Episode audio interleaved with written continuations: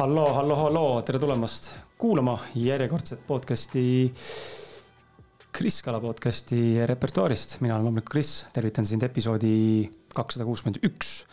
ja taaskord on saade mul külalisega, vestleme täna huvitaval teemadel, teemad, millest me oleme tegelikult siin, või millest mina olen siin saates viimaste ütleme viie episoodi jooksul korduvalt vist äh, rääkinud või korduvalt teema läbi käinud ja aru saada ka miks, sest et me elame ikkagi mitte ainult nutiajastul, vaid ka artificial intelligence ajastul nüüd täna juba ja sellest me kindlasti täna räägime ka. mis äh, see valdkond endaga kaasa toob, mis see on, miks see nii oluline on ja kui palju tegelikult sina kui igapäevakasutaja äh, või ka tegelikult siis igapäeva interneti ja, ja ütleme siis sotsiaal, ütleme internetiteenuste kasutajana või tarbijana saad kasu lõigata, kui oled väga kaval. Äh, ja teistpidi ettevõtjana, kuidas siis leida rakendust päriselt nendele võimalustele, mida ai meile pakub, äh, kuidas lõigata kasu sellest, sest mina arvan ja ma ei ole spetsialist. Äh, minu tänane külaline saab seda kindlasti mulle rohkem natuke rääkida ja ka sulle ja seda kindlasti kinnitada või ümber lükata, aga ma julgen spekuleerida, et sihuke viie aasta jooksul ja ma arvan, et isegi võib olla rutem, toimub midagi väga suurt ja drastilist ja need, kes täna maha jäävad, siis jäävad lihtsalt rongist maha. et kohanemise, kohan-, kohanemine tundub olevat äh, kiirem kui kunagi varem. ja tehnoloogia lihtsalt läheb eest äh, ära üha kiiremini, kiiremini. aga enne kui lähme saate juurde, siis äh, ma teen väikse loo ka sulle. Sandra, kes mul siin istub praegu, juba, juba kuulis seda natuke põgusalt, aga ma teen hästi lühidalt ja detailsemalt selle. rentisin, kes mind jälgib sotsiaalmeedias, siis teab, kuigi ma väga tihti sinna midagi ei postita, siis nüüd nädalavahetusel natukene tihedamini panin üles story sid ja rentisin endale siis äh, tõuksimaailm.ee äh, keskkonnast või siis poest, esindusest äh, kaks elektrikrossikat. Surron ja Talaria brändide või ettevõtete nimelised, kes toodavad siis tõesti, näevad välja nagu krossikad. Need ongi krossikad, aga on elektrikad ja nendega võib sõita siis tänaval jalakäija kiirusel loomulikult mõistuse piires, kui ka siis liikluses, kui need on tänaval legaalsed. ja samuti siis metsas et äh, ta on väga võime, võimekad tööriistad. Äh, võimsamad lähevad seal sihuke kaheksakümmend, üheksakümmend, seitsekümmend kilti tunnis. Äh, nii et no joke on tegelikult ta see, kaalub kuskil nelikümmend viis kilo see ratas ja on nagu selles mõttes kihvt, et aku peab hästi, saad sõita, saad tuuritada ja ma sõitsin ka siis, mul oli kaasas isa ja vend, kellel need rattad juba kaks aastat on ja tiirutasin neljakesti ja, ja teisel päeval siis teise päeva hommikul Pirital ähm, sõitsime kuidagi seal isa vend ees, mina järgi ja mul elukaaslane minu taga ja, ja ma läksin isale järgi, siis oli sihuke väike S-kurv. S-kurvi keskel on siis kaks lillepotti, mille vahelt pidi läbi minema. aga aju ju kuidagi ei, suutnud fungata, et ma oleks võinud minna ka mujalt, mitte lillepoti juurest, aga üldse pöörata sinna, aga läksin automaat isa järgi. isa läks ilusti läbi sealt keha vahelt, võtsime hoo maha ja mina siis S-kurvi alguses ehk siis paremat pööret tehes läksin liiga palju, küll väikse hooga, aga liiga palju selle parempoolse lillepoti juurde. ja siis ma tahtsin teha teravat pööret vasakule, et mahtuda lillepotist mööda ja keskeltläbi. ja sellel hetkel, kui ma siis äh, vasakule keerasin, äh, jällegi kogenematusest äh, ratta suhtes või masina suhtes ilmselt ei arvanud, et mul viskab alt niimoodi ära, et see, vaata tavarattal on see, et see lenks käib teinekord päris palju, isegi mõnikord sada kaheksakümmend kraadi. mõnel rattal ja BMX-t üldse kolmsada kuuskümmend vist isegi. aga sellele seal on see kraadinurk palju nagu väiksem, äh, nii ka motikatel on. ja ma ei osanud sellega arvestada ja, ja keerasin liiga palju ja viskas ratta alt ära niimoodi, et kukkusin kukkusin ise pikali, ratas mulle peale. Ja, ja kui püsti tõusin, siis nagu ei olnud midagi, sihuke nagu, et noh, korraks oli valus, põrutas, aga no worries, lähme edasi ja kuskil kaks pool tundi hiljem, äh, kui hakkasime lõpetama sõitu, tunnen, mul on nagu püksis nagu sihuke vasakul reie kohast siis, kuhu kukkusin, et on sihuke märg tunne, noh mõtlesin, et marraskel äkki verine, vaata, et ma tunnen pükst, et on verine. et sihuke märg külm tunne on, et higi see olla ei saa, et ilmselt on verine. ja, aga jalg oli natuke sihuke valus ka, sihuke pakune juba, tunne, et nagu sihuke topis on all. aga kuna sa istud ja jalaga midagi ei tee, siis noh, ta ei häiri sind. siis jõudsin koju, parkisin rattad ära ja mõtlesin, võtan siis korra nagu püksid jalast ära, vaatan, mis siin on ja siin lihtsalt on auk. mul tõmbas lõhe sisse, siukse pooleteise sentimeetrise ja läksin siis traumapunkti kenasti seda äh, õmblema ja õmmeldi tuimestuseta, see oli eriti mõnus kogemus. Õnneks ainult üks, kaks torget. Äh, ja aga, aga kõige rõvedam ikkagi, kõige valusam ikkagi on see, see, see haava kokku tõmbamine, see niidiga, see oli valus, see oli valus, et äh, sihuke kogemus siis, et kui võtate endale rattaid või masinaid, laenutate, rendite, siis veenduge, et te teate, millega tegemist on ja olge pigem ettevaatlikud, et asfalt oli kuiv. aga näed, kogenematusest äh, ja väikse hoo pealt Äh, juhtus sihuke õnnetus siis, aga, aga see ei võtnud mu hirmu ära ja täna me räägime kindlasti hirmust, kuidas sina tegeled samamoodi tegelikult mõnes mõttes ekstreemspordiga mere peal. Ähm, aga hirmu ära ei võtnud, äh, tekkis veel suurem soov, tahtmine endale see ratast soetada järgmiseks hooajaks. et ikkagi väike hobi, mida siis kaasaga jagada või venna ja isaga nii et äh, sihuke lugu siia algusesse, elus terve, midagi muud juhtunud, käsi natuke katki, aga see õmblus natuke häiris, aga ja täna siis lonkan, aga õnneks see läheb üle äh,. Sandra. tervist tere tulemast saatesse Äh, millal viimati sina õmblemas käisid uh,? ma arvan, et see oli äh, sihuke seitse aastat tagasi, siis ja. mul oli äh, põlveopp ACL jalkaga.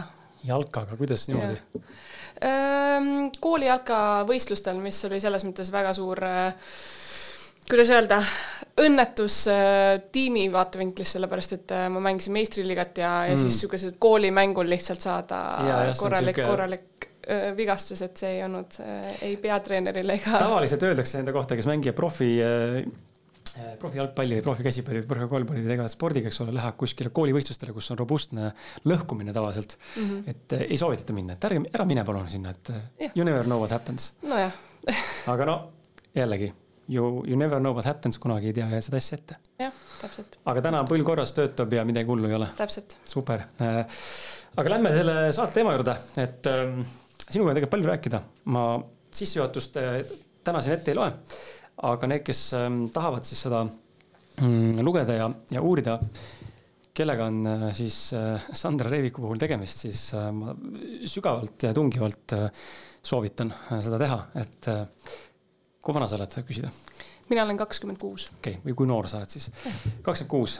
lugedes seda, mis siin kirjas on, tekkis minul kolmekümne kahe aastase meesterahvana Äh, küsimus, äh, how the hell äh, is it possible? ja ma arvan, et ähm, meil kõigil on enda elus või ümber neid inimesi, keda me vaatame, mõtleme, et kuidas ta nagu jõuab. kuidas ta teeb, kuidas on see võimalik, et ta nii noorelt jõudis sinna või saavutas selle või tolle ja, ja me kõik alati võrdleme seda loomulikult ma võin eksida, aga mulle tundub, mina vähemalt teen seda alati mingite kindlate kriteeriumite pealt mida ma siis võrdlen, mingid tingimused on ju, kas siis vaatan, kas kellelgi on rohkem raha, eks ole, kellelgi on parem auto, kellelgi on ilusam kodu, keegi reisib rohkem. ma ei tea, ettevõte teeb suuremat käivet, on ju. on ilusam, rohkem, parem füsiik, mis iganes need võrdlusmomendid on. Aga sealt need punktid tavaliselt tulevad, et issand, kuidas, kuidas see nagu võimalik on. sest et endal ei ole veel sellist kogemust tulnud või ei ole käes mingit teatavat eh, kogemuse nagu piiri või sellist eh, staadiumit saavutatud. ja siis ongi selline võib-olla mõnes mõttes teadmatus, kuidas sinna jõuda, aga samal ajal on selline noh, veendumus ja tõendus, et näed, keegi elab tegelikult sellisel viisil, onju. ja me kohe jõuame ka, mida, selleni, mida ma silmas pean, aga, aga just see pool, et kui palju sul endal on ette tulnud seda, et inimesed siis ühelt poolt äh, vaatavad sind ja mõtlevad, et holy shit, kuidas ta suudab nii palju saavutada äh, või juba nii palju teinud. ja teiseks on siis see teiselt poolt endast vaadatuna, et äh, kui palju sa vaatad teisi sellisel viisil. kurat on nii kaugele jõudnud mm, -hmm. kuidas see võimalik on mm, -hmm. mida ta nagu teistmoodi teeb, kui mina teen mm. -hmm. no seda tegelikult küsimust tuleb päris palju, et kui vana ma olen ja mm -hmm. et mul on nii palju elusid olnud ühes nii-öelda mm, -hmm. ühel eluteel nii-öelda, aga äh, ma arvan, et äh, üks element, mis sellel, äh, miks see nii on, on see, et ma hakkasin vala, varajases elufaasis reisima päris palju, et ma olin viisteist, kui ma läksin esimest korda välismaale, kaks kuud elasin täitsa üksinda võõras riigis. et see kuidagi käivitas minus selle arengu väga tugevasti ja selle tõttu võib-olla olengi jõudnud natuke rohkem eh, kui siis mõned teised, aga samas nüüd jällegi, kui ma näiteks Dubais olen, eh, et ma viimased kaks aastat olen seal elanud, siis ma kohtun inimestega, kes on kaheksateist, kakskümmend üks ja nad on eh, juba võib-olla ehitamas kolmandat äri võib-olla esimesed on juba müünud maha, et nad on nagu nii palju teinud, on ju, samamoodi enda elu jooksul. et äh, siis on ikkagi jälle tuleb see, et ma ikka ka võrdlen, et mm -hmm. olgugi, et äh, ise tegelikult ma olen ka päris mingisuguseid asju elus juba saavutanud. aga, aga jah, alati on, leidub neid, kes rohkem on jõudnud. et see võrdlus on huvitav, ma arvan, et see on miski, mida me ei saa inimese, inimeseks olemisest eemaldada, sellest võrrandist, mulle tundub vähemalt, võib-olla see mingi hetk, kui sa, noh, ma kujutan ette, et filosofeerides sinuga, kui sa saavutad tõesti mingisuguse taseme, võib-olla mingi hetk kaob see võrdlemine ära, võib-olla mingis eas mm. -hmm. aga pigem tundub, et see ikkagi on nagu nonstop constant uh, thing taustal, mida me kogu aeg alateadlikult teeme ja, ja teistpidi siis ühiskond ja ka sotsiaalmeedia tegelikult suunab meid selles suunas, et me teeksime seda veel ja veel rohkem, onju, sest et kahjuks või õnneks jälle see võib olla minu perspektiiv, aga mulle tundub, et äh, väga tugevalt on see kas suunitlus sinnapoole, et me ikkagi kiputakse võrdlema või kiputakse näitama seda ilusat high life elu poolt mm -hmm. ja mhm. neid low life'i või asju, kus me võib-olla teinekord nutame või oleme depressiivsed või kurvad, eks ole, või midagi halvasti või midagi ei õnnestu. seda me nagu ei näita, on ju, et äh, see kuvandi loomine nagu oluline ja mõnes mõttes see kindlasti on teinud selle karuteene ka, et me oleme sellises äh,, sattunud kuidagi sellisesse high achiever äh, mm. ühiskonda, kus kus äh, sa kahekümneselt pead olema juba teinud tund-tund-tund-tund-tund neid asju, onju, kui see ei ole, siis sisuliselt võid sa oma elu maha kanda, onju. okei okay,, see on küll äärmus, aga mm, -hmm. aga võib mhm. tekkida see tunne. noh, ka minul tekib see tunne mõnikord, kui ma mõtlen ka, mida ma nagu saavutanud olen, mida veel ei ole saavutanud, mida tahaks saavutada. hakkan mõtlema, et okei okay,, üks kolmandik elust on nagu tehtud. kas nagu on hilja või? nagu ma nagu maha jäänud, et see FOMO tekib kergelt, sihuke fear of missing out. aga samal ajal jällegi, mis on minu meelest elu juures nagu maagiline, me rääkisime sellest õnnetusest ja sinu sellest äh, jalka teemast samamoodi, et you never know, millal juhtub midagi, noh me võime sinuga täna siin istuda, eks ole, ja, ja, ja sa kõnnid siit täna välja ja tunni aja pärast võib olla sul life changing mingisugune kogemus onju või mhm. homme onju. et minu arust on see hästi palju andnud mulle vähemalt sellist lootust võib-olla madalatel seisudel ja ja mõnes mõttes sihukest perspektiivi ka, et, et sa kunagi ei tea, milline kohtumine, milline inimene, milline situatsioon, milline kogemus, milline õnnetus, milline äh, õnnelikkus või õnnestumine võib muuta su elu noh, drastiliselt nii paremuse kui ka siis kahjuks õnneks halvemuse poole onju. et elu on ikka väga ettearvamatuse mõttes ja ma arvan, et iga inimene võiks ikkagi olla või püüda ikkagi olla, hoida seda lootust kuidagi kõrgemal, et mm -hmm. mitte manduda sinna, et ah oh,, Sandra on saavutanud siukseid asju, ma praegu loen ja vaatan, et ah, ma ei jõua kunagi sinna vaata aga võrdlemise poole pealt tegelikult mul on huvitav, ma olen kaksik äh, mm., mul on identne kaksik mm -hmm. ehk siis ühe munanakku onju. et äh, terve elu tegelikult mul see võrdlemise teema on olnud äh, võib-olla palju aktuaalsem kui mõnedel inimestel. Nagu omavahel okay. täpselt ja, ja et me tegime noorest ähm, juba peale palju sporti mm -hmm. ja me alustasime kergejõustikuga ja seal oli kogu aeg omavaheline võistlus on ju väga-väga-väga intensiivne, et äh, et võib-olla, no muidugi võib-olla see on mul ka konkurentsieelis, et ma olen harjunud olema konkurentsivõimeline ja, ja ennast viima siis enda potentsiaali mm -hmm. nii-öelda jalamile.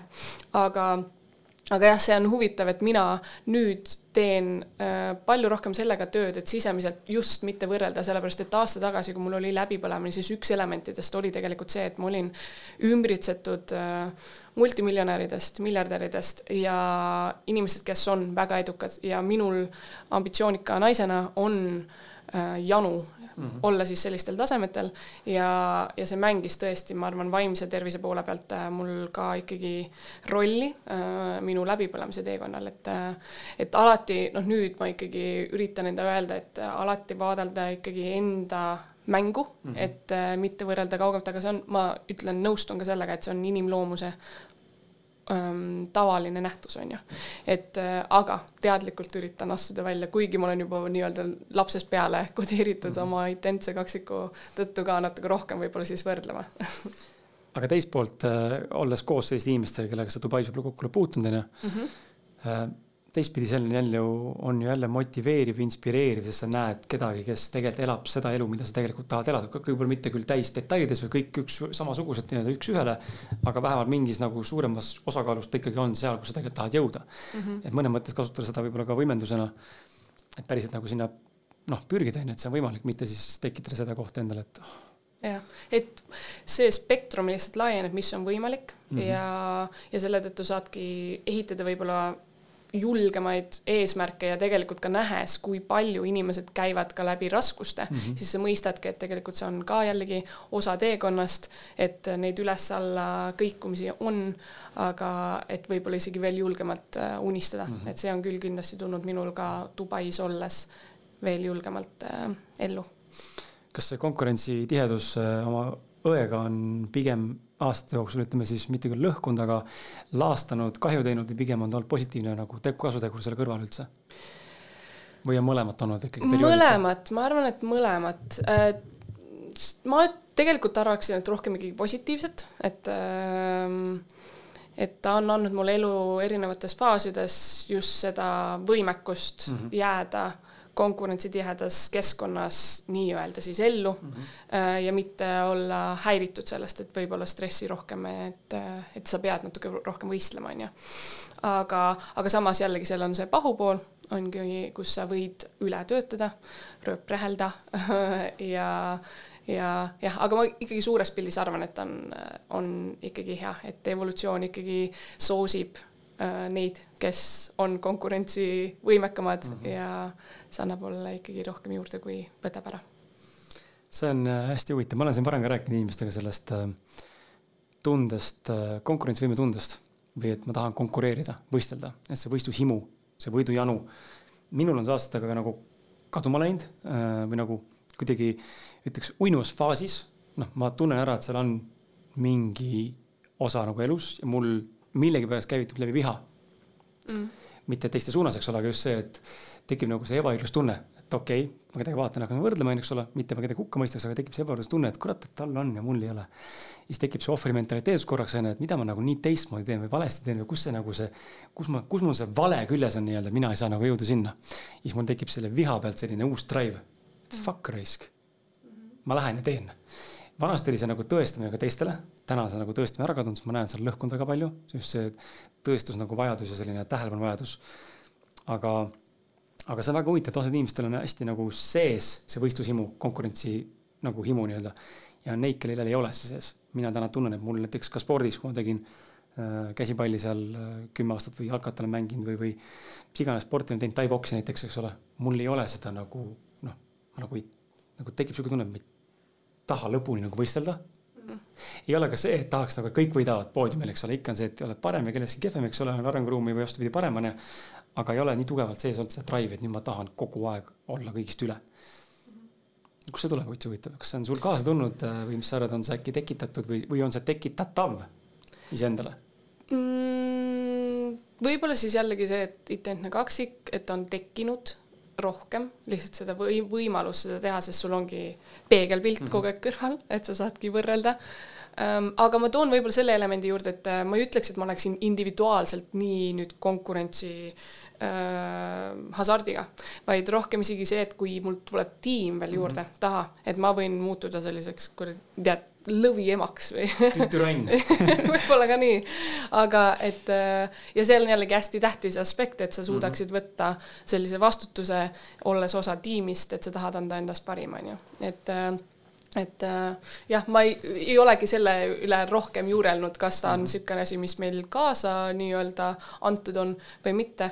aga jah, ma arvan, et minul on lihtsalt olnud selline järk-järguline mm -hmm. kaksikõena äh, areng Lähme, lähme siit äh, sujuvalt ai teemadele ja, ja, ja tee sihuke nagu põgus ülevaade, sest et ähm, noh, seda tausta, mis me oleme siia, mis sa mulle siia andsid mm, -hmm. saate tutvustavaks lõiguks ja tekstiks, seda ai-d käib päris palju läbi siit ja see ilmselgelt on sinu core, core äh, olemus ja core tegevus, mida sa tegelikult teed, igapäevaselt kokku puutud ähm,. räägi inimest natuke, kuidas sa sinna jõudsid ja, ja kuidas sina üldse teis, tehisintellekti nagu vaatad või näed? et noh, me võime rääkida ai-st ja tehisintellektist, siis inimestel on kohe see, et aa, mingi robot, kes liigutab käsi ja vaata, on kõik, onju, aga tegelikult see ei ole, see on far more beyond. Ta tavaliselt ei ole ka füüsilisel kujul. et äh, mida sina, kuidas sina nagu seda mõistad ja, ja loo väike sihuke sissejuhatus sellesse teemasse, siis lähme nende küsimustega natukene ka natuke detailsemaks. jah, konteksti loome natukene.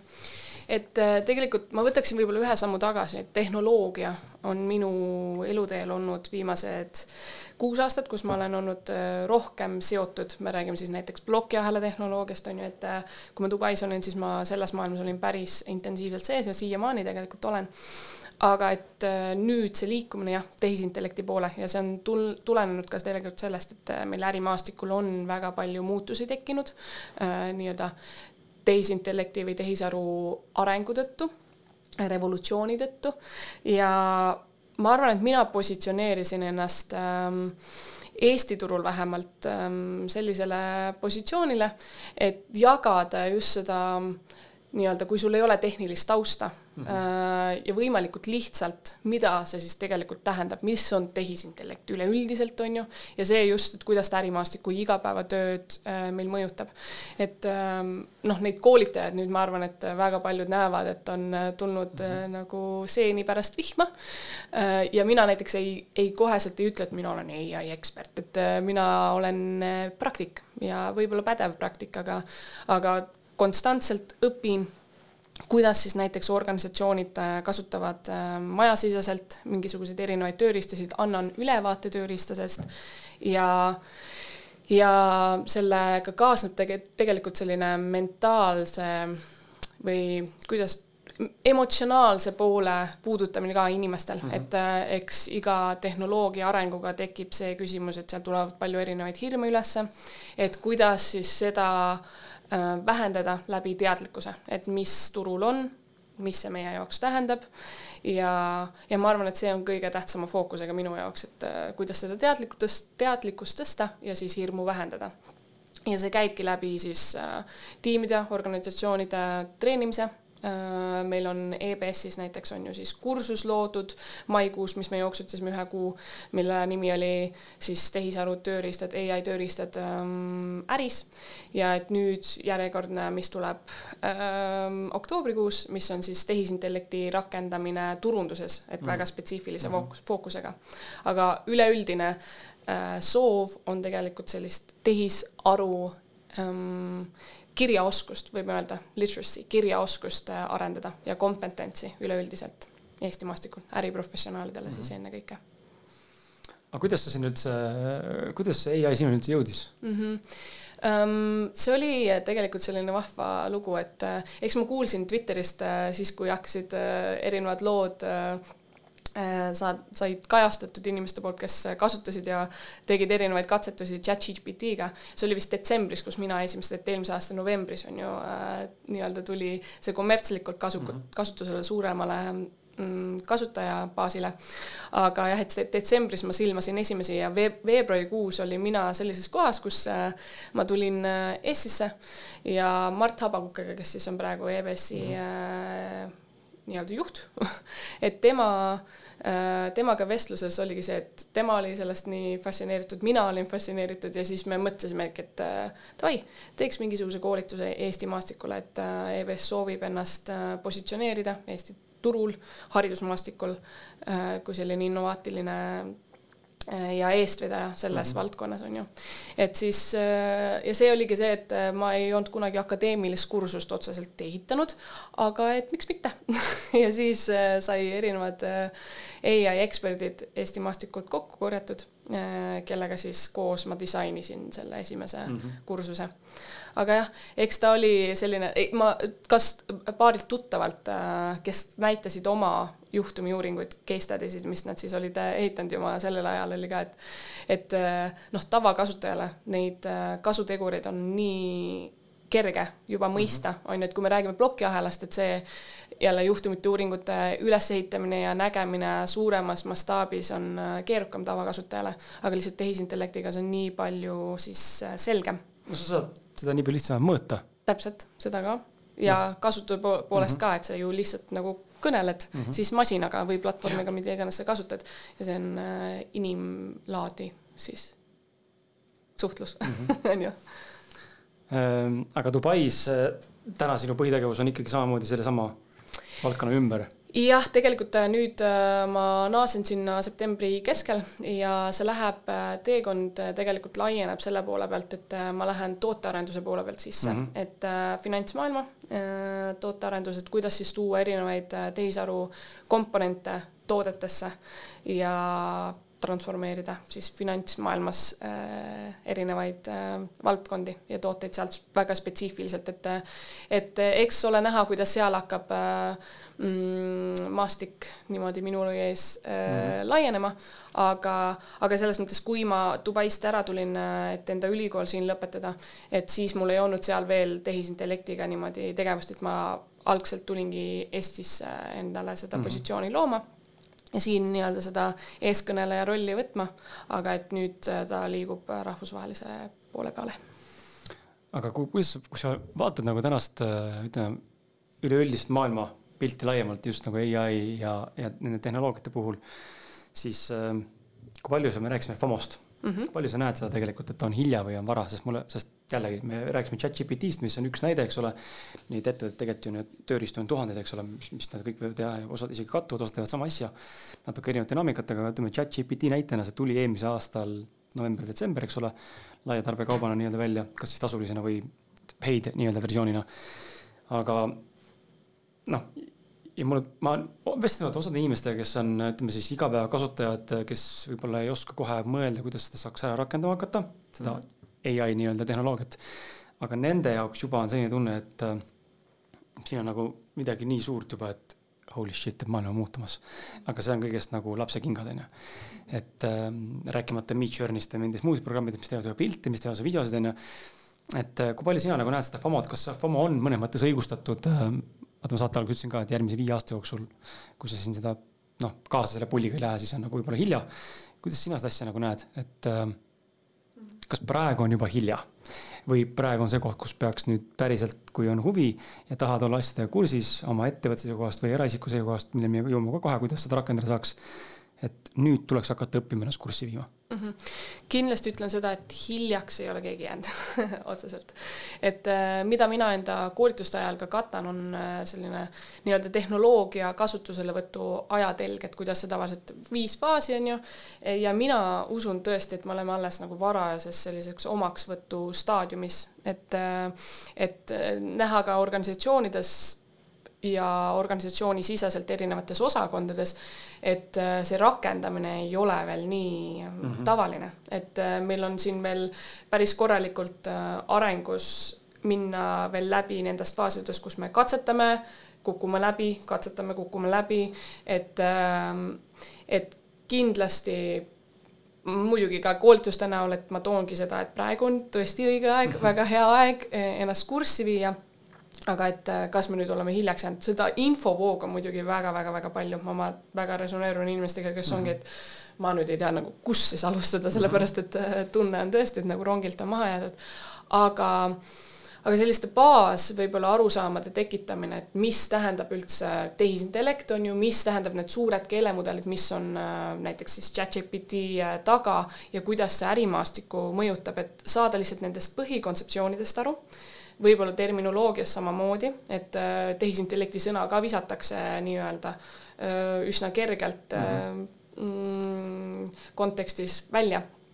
aga et mõista baas, baasasju ja siis selle pealt lihtsalt olles kursis sa ajapikku tekib ikkagi see, et mis teemad sinuga haakuvad on ju, ja, ja me näeme seda lihtsalt arvatavasti ajapikku, kuidas see siis sinu perspektiivist ja organisatsiooni perspektiivist, ettevõtte perspektiivist äh, võiks kõige rohkem äh, haakuda.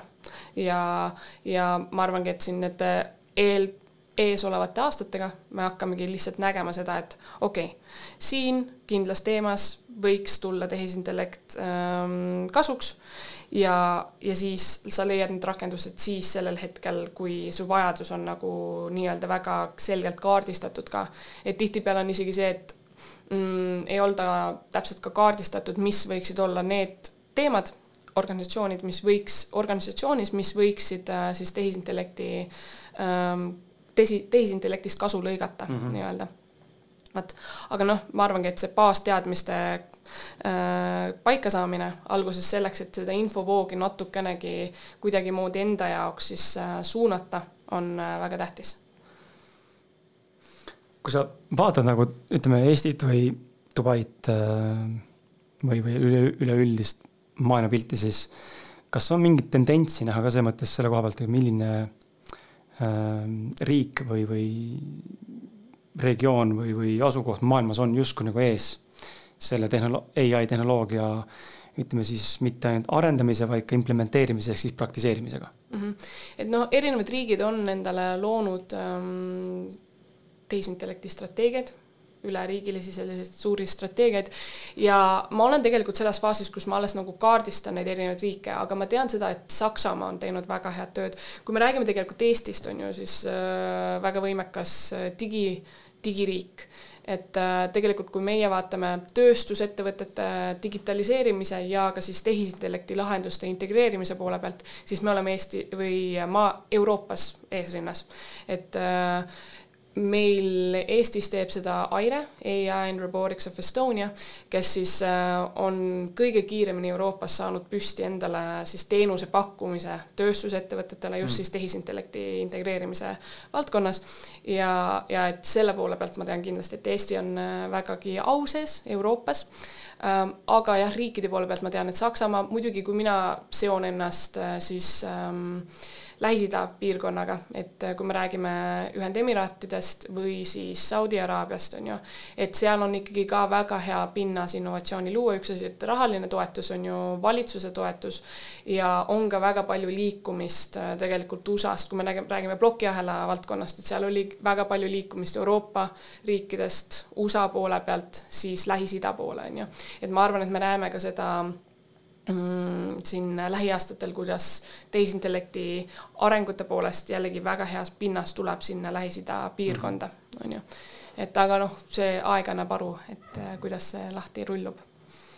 enne kui ma küsin sult äh, natuke praktilisema küsimuse ja, ja. Eh, korra tekkis mõte, et krüpto ja ai mm. mõnes mõttes nagu natuke hirmutav, teistpidi on põnev nagu vaadata, et äh, kui need omavahel saaks lõpuks ühendatud sellisel viisil, et noh, inimesed leiaks viise, kuidas neid ja kindlasti täna juba on leitud viise, ma lihtsalt ise ei ole väga süvenenud sellesse, aga et kui need saaks panna omavahel üksteist toetavalt tööle mm. -hmm. noh, ma ei räägi nüüd praegu nendest, mis on need isekauplevad robotid, see pole päris see, mida ma mõtlen. aga, aga just, et kui saaks need kaks valdkonda nagu täielikult üksteist kokku panna toetama, siis kujutan ette, et mõlema valdkonna kasv on nagu meeletu. noh, sest igal juhul me liigume krüpto suunas, tahame mitte, see igal juhul selle, ütleme, mulle tundub vähemalt selle äh, nagu masstarbimine või kasutamine või implementeerimine äh, läheb üha suuremaks. Äh, ja nüüd see ai kõrvalt omakorda nagu justkui tuleb sellise laiema ovaaliga nagu tagant utsitama vee kaasa, eks hoogu lükkama, et, et mis sa arvad, mis see mis see krüpto ja ai tulevik äh, võiks omavahel, omavahel tuua, kui lihtsalt spekuleerida või oled sa mõelnud selle peale või, või näed sa täna mingit kokkupuutepunkti kohta juba? ja ma võib-olla tegelikult äh, tooksin sellise näite, et kuidas äh, Elon Musk'i ähm, lapse siis ema, ma ei mäleta, mis tema artisti nimi oli, võib-olla Rhymes, kui ma ei eksi, aga tema tegi, oled võib-olla täheldanud seda, et genereeritakse päris palju muusikat mm -hmm. nii-öelda tehisintellekti abil ja äh, ja seal tuleb see küsimus, et kes siis saab sellest nii-öelda kasu, et kas see, kes on loonud selle loo mm -hmm. siis tehisintellekti abil või siis ka artist on ju, et tihtipeale artisti häält või loomingut on kasutatud siis ilma loeta on ju aga mis siis äh, tema äh, Rhymes äh, või Grimes, ma ei mäleta täpselt, et ja vabandust kõik nii-öelda fännid talle, aga et tema mm, siis lahendas selle nii-öelda royalties on ja see on ka nii-öelda plokiahela baasil. Mm. -hmm et äh, suutlikkus siis äh, jagada seda kasu, mis genereeritakse, ähm, äh, siis profit, kasu, jah, kasu on ju, et, et jagada siis sellega, selle inimese vahel, kes on selle laulu genereerinud, kui ka siis artist, kes, kes on siis oma häält äh, nii-öelda täpselt mm -hmm. laenanud. et see on üks nagu näide, kuidas on ühendatud plokiahel ja siis äh, tehisintellekti mm -hmm. valdkond on ju.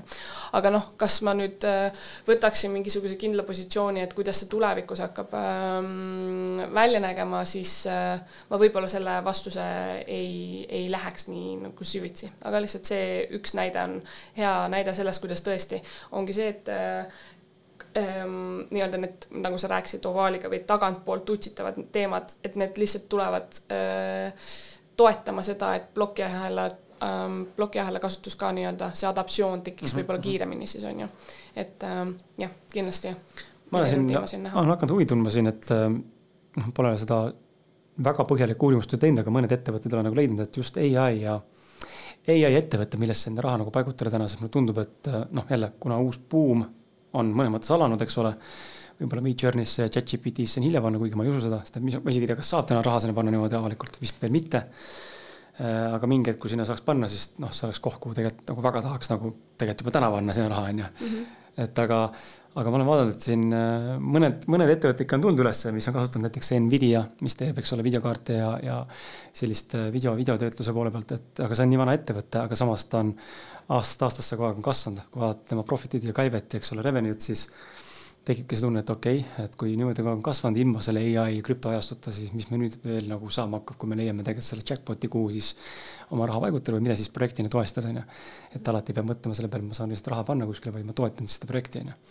et äh, on sul endal mingeid äh, soovitusi, ideid, kuhu poole vaadata mm, -hmm. mis sektorit piiluda, kui kellelgi on potentsiaalne huvi investeerima hakata näiteks mm. -hmm. et mida nagu jälgida, sest et seda info, infotulva on tõesti palju, noh, see läheb lihtsalt nii laiali lõpuks mm. -hmm kas ma nüüd investeerimise siin soovituse hakkan andma, aga selle tõttu, et Nvidia, sa siin mainisid seda, et äh, mina ise ka esimene asjana tegelikult detsembris vaatasin kohe, et kust ma saaksin osta osakuid. Aga nagu me teame, siis Microsoft on tegelikult äh, kümme miljardit äh, OpenAI-sse, kes on siis ähm, ChatGPT mudelite arendamise äh, loojaks, et, äh, et tegelikult võib ka Microsofti on ju panna, sest mm -hmm. neil on päris korralik tükk äh, OpenAI-st mm,. aga Eh, jällegi ma arvan ka seda, et me ei ole nii-öelda hiljaks jäänud, need valdkonnad on äh, valdkond kui tehisintellekt, et need ettevõtted, kes on sellega kuidagimoodi seotud, muidugi alati mina soovitan seda, et vaadata nii-öelda ettevõtteid, kes pakuvad seda infrastruktuuri, mis mm -hmm. on mhm. täpselt Nvidia näide, on ju. et äh, vaadata võib-olla selle poole pealt, kes aitab just seda tehisintellekti adaptsiooni kõige rohkem äh, nii-öelda siis toetab et võib-olla sellest vaatevinklist valida neid äh, ettevõtteid, äh, millesse investeerida mm -hmm. näiteks mm -hmm.. okei okay,, äh, tuleme, tahaks, et juurutaksid natukene hmm, või noh, tooksid selles mõttes natuke võrdlust, et sinu tänane suurem fookus ja töö läheb just nimelt sellele, kuidas ettevõttesiseselt hakata siis tekitama ai põhiste tööriistade ja, ja võimaluste adaptatsiooni, neid mm -hmm. kokku viia, kuidas inimeste tööd või ettevõtte juhtide tööd või teatud positsioonil töötavate inimeste siis tööd lihtsustada, võib-olla ka mingeid nendest süsteeme lihtsustada, eks ole. ja nüüd teine pool on siis, üks on see äripool, eks ole, ja teine pool on siis erasektoris, kes siis, et on inimesed, kes on lihtsalt, töötavad lihtsalt, noh, neid töötagi lihtsalt nagu for fun Mm -hmm. Lähen vaatan chat-GPT, mis on roosa onju, noh et -hmm. kes lihtsalt katsetavad mm. -hmm. mis on nende kahe valdkonna nagu suurim erinevus ja kuidas saaks siis äh, kuidas saaks tegelikult ka tavakasutaja, kes lihtsalt võib-olla täna ettevõtte oma, tal pole võib-olla isegi visiooni tekkinud, kuidas me saaks kasutada seda ai-d nüüd ära, kasvõi chat-GPT-d või Midjourney't või mis iganes programmi või tuurist, tööriista või vahendit ära kasutada selleks, et hakata endale raha genereerima või ehitada mingit ettevõtet. et mida sa neile oskad nagu soovita? Ehm, noh, sest siin ongi see segadus, et kui me vaatame internetti, võime lükata Youtube'i, ma olen teinud seda päris palju juba, mõned huvitavad ideed on tulnud ka, kuhu suunas ma liigun, aga miks ma seda küsin, on mul endaga huvi mm. -hmm. ma ütlesin sulle ka siin saate alguses, ma olen siuksel teelahkmel, eks ole, mind ja. väga huvitab see ai teema mm. -hmm. ma ei, ma ei julge täna veel unistada sellest, et ma saaks Eestis ai mingisuguseks spetsialistiks, kuigi mind see väga kõnetab mm. -hmm. ma tahaks tegelikult selles suunas liikuda, aga ei, ei, oska nagu neid samme nagu veel täna teha sinna, aga ma olen näppinud seda chat-GPT-d ja Midjourney't ja muid asju ja ma olen näinud nagu erinevaid viise, kuidas saaks raha teenida mm. -hmm. aga seal alati taandub see koht juurde, et äh,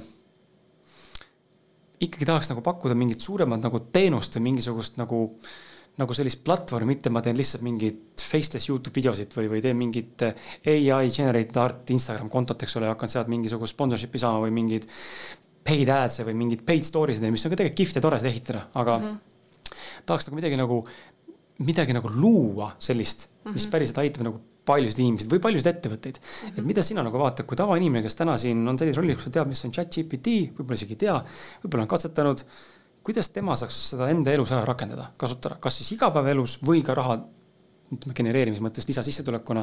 me ei pea rääkima siin miljoni või miljardite ettevõtte ehitamisest esialgu, aga ka sellest võime rääkida, aga just, mida, mida saaks tema nagu teha, kuhu ta peaks vaatama, mida ta peaks kaaluma, mida ta, millele peaks ta mõtlema, kuidas mm -hmm. sellesse suhtuda? Sest et see on ka hästi, tundub, et see on nagu nii algusjärgus ja samas seda infot on nii palju, kui ma hakkan guugeldama midagi enda kohta, noh siis igalühel enda enda kogemus ja neid viisi, kuidas raha teenida, erinevaid ja ühesõnaga natuke seda poolt ka sinu, sinu mõtteviigist kuulatuna, mida, mida sa nagu soovitaksid mm? -hmm. päris mitu temaatikat äh, ma üritan nüüd ükshaaval mm -hmm. minna, et võib-olla kõigepealt äh, puudutada seda, et äh, kuidas nii-öelda alustada, teha neid esimesi samme just sinu näiteks vaatevinklist, et äh, oled teelahkmel, ei tea täpselt, mida edasi teha, aga võib-olla see kõik valdkond nagu huvitab, on ju. esimese minul samamoodi, ega ma ei teadnud täpselt, kuhu ja see näiteks, et ma praegu olen liit, liikunud nii-öelda tootearenduse poole, et ma mõistan täiesti, sest koolitamine, see ei ole väga skaleeritav nii-öelda äri mhm. on ju, et ja seda ma ei taha teha pikalt, aga see on väga hea viis, kuidas vajaduspõhisust kaardistada. et põhimõtteliselt erinevate tegevjuhtidega kõneledes, organisatsioonisiseselt erinevate siis ähm, osakondade probleeme nähes, et see on mulle genereerinud neid võimalusi, et mida tegelikult võiks siis spetsiifiliselt välja arendada kellegi probleemi ja kelle probleem on nii-öelda kõige suurem ja võib-olla, kus on minu enda huvi kõige suurem, et äh, siis seda kirglikult äh, probleemi lahendada, on ju. aga et esimene faas ikkagi sellest on see, et sa kogud väga palju turuinfot ja mõistad, et kus kohas need äh, mm, nii-öelda kokkupuutepunktid tekivad, on ju et äh, selles mõttes äh, teine samm selle juures ongi siis see mõista, et võib-olla enda taustast tulenevalt, et mis see nišš võiks sinu jaoks olla, et äh, näiteks Priit Lumi, kes on ka siin, Priit Ilomets, kes on siin saates ka käinud kõnelemas, et tema võttis näiteks ähm, coach'ide ja koolitajate nii-öelda suuna. Ja see on see, milles tema on väga kirglik ja selles valdkonnas täna näiteks lähen koolitama äh, personalitöötajaid äh, ja, ja nende valdkonnas jällegi seal on nii palju erinevaid võimalusi, kuidas sa võiksid väärtust luua. ehk siis minna võib-olla enda siis sellest oma liistude mm -hmm. vaatevinklist vaadata ja vaadata, millise esimese probleemi sa saaksid ära lahendada ja kui me räägime selle poole pealt, et mida individuaalsel tasandil mm, võiks katsetada, et kui võib-olla, okei okay,, kui me räägime organisatsioonisiseselt, sul on mingisugused tööprotsessid, ma alati, kui ma koolitusele lähen, kui mul on see praktiline nii-öelda osa ka sees, et siis on see, et inimene mõtlebki oma, oma igapäevatööst mingisuguse ülesande, mida ta saaks anda ja masinaga nii-öelda platvormiga koostööd tehes äh, lahenduse luua. et ta saab selle aktuaalse vahetu kogemuse ja, ja meil neid probleeme tegelikult, mida võiks lahendada, on küllaga, aga lihtsalt ongi, sa pead katsetama hakkama, on ju. Mhm. ja siis tekibki see koht, et kuhu poole tegelikult liikuda, milliseid, milliseid ähm, läbimänge sa naudid siis ise teha, on ju mm ja kui me räägime nendest personaalsetest näidetest, et mul on tõesti, mul vist võib-olla võiks juba praegu koguneda selline lugude arhiiv, mida inimesed on enda igapäevaelus, kuidas nad on näiteks chat-GPT-d kasutanud, et kes teeb mingi naisele äh, romantilise kohtingu jaoks terve kava valmis mm, -hmm. erinevaid asju genereerib, kes äh, räägib, küsib selle kohta, et kuidas äh, vahet teha või, või millised on suurimad erinevused meeste ja naiste vahel ja minnes erinevate erinevate eluvaldkondade, nii mm -hmm. seksuaalsust, no lihtsalt selliseid huvitavaid vestlusi pidada nii-öelda masinaga on ju. et, et ta viib, see teema, kuidas siis katsetada neid asju, see viib kokku tegelikult äh, selle mõttega, et äh, me üha rohkem hakkame kommunikeerima masinatega, siis kuna lihtsalt näiteks ka need suured keelemudelid, mis äh, lubavad meil nende platvormidega, tööriistadega inimkeeli nii-öelda suhelda, siis see muutub meie jaoks tavaliseks, et me saamegi minna mingisugusele platvormi, internetiplatvormil sisse ja seda vestlust arendada, mhm. on ju, nagu tavalise inimesega. et, äh, et just eksperimenteerides hakkab see mõte jooksma, et äh, on hea, kui tõesti kuuled erinevaid asju, see on, see on kõik tore, aga see, kui sa hakkad ise nii-öelda pusima, et siis on see jällegi individuaalselt hakkab arenema see oma mängumaailm äh, palju konkreetsemalt ja siis tekivad need ühenduskohad iseendal mm, -hmm. iseenda jaoks.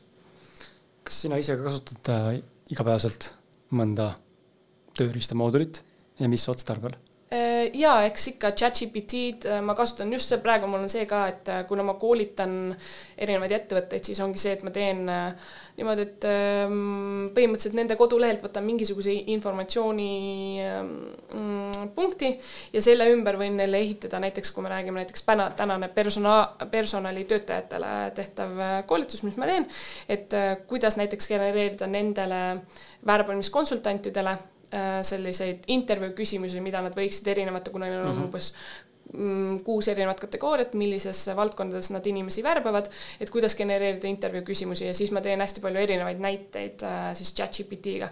ja chat-GPT selles mõttes on hea esimese tööriistana, et äh, tal ongi lihtsalt see võimekus nii paljudest erinevatest valdkondadest äh, neid näiteid genereerida, on ju, ja inimesel on kõige rohkem kergem nagu mõistetav see äh,, selle tööriista läbi aga noh, ma ei, näiteks mulle väga meeldib tegelikult Midjourney'ga ka mängida mm, -hmm. et sinna võib nagu pikalt kinni jääda, kuigi muidugi ma ei ole selles mõttes kunstilise taustaga, aga, aga see ongi see, et kui palju on andnud mulle võimekust olla siis nii-öelda näivalt äh, kunstilise mm -hmm.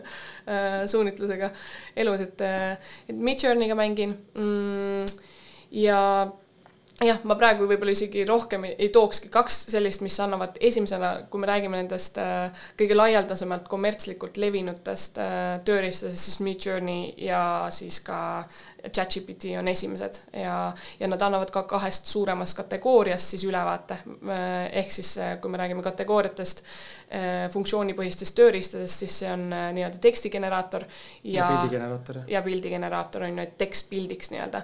ja siis võib-olla tekst videoks ka, aga seda, sellega vähe mängivad inimesed veel, kes ei ole nii-öelda spetsiifiliste Mm, siis valdkondadega seotud, et äh, kui sul ongi meedia, turundusagentuur mm, -hmm. et mhm. siis sa võib-olla puutud rohkem selliste tööriistadega nii-öelda kokku minu jaoks on see Midjourney oli, noh, ChatGPT pani alguses esimese sellise Vau, holy shit, what is this, vaata nagu, et mida kuradit. sest et sa saad nii palju asju teha lihtsamalt, ma olen teinud ka mõned, äh, ma olen katsetanud seda ka teha ja isegi sinu podcast'is minu arust sai mõned küsimused äh, juurde chatilt, et mm -hmm. kandes nagu taustainfo, mida ma tahan saada, mingi suunitlus on ju, mingi küsimus, mis ma võib-olla olen teinud ise.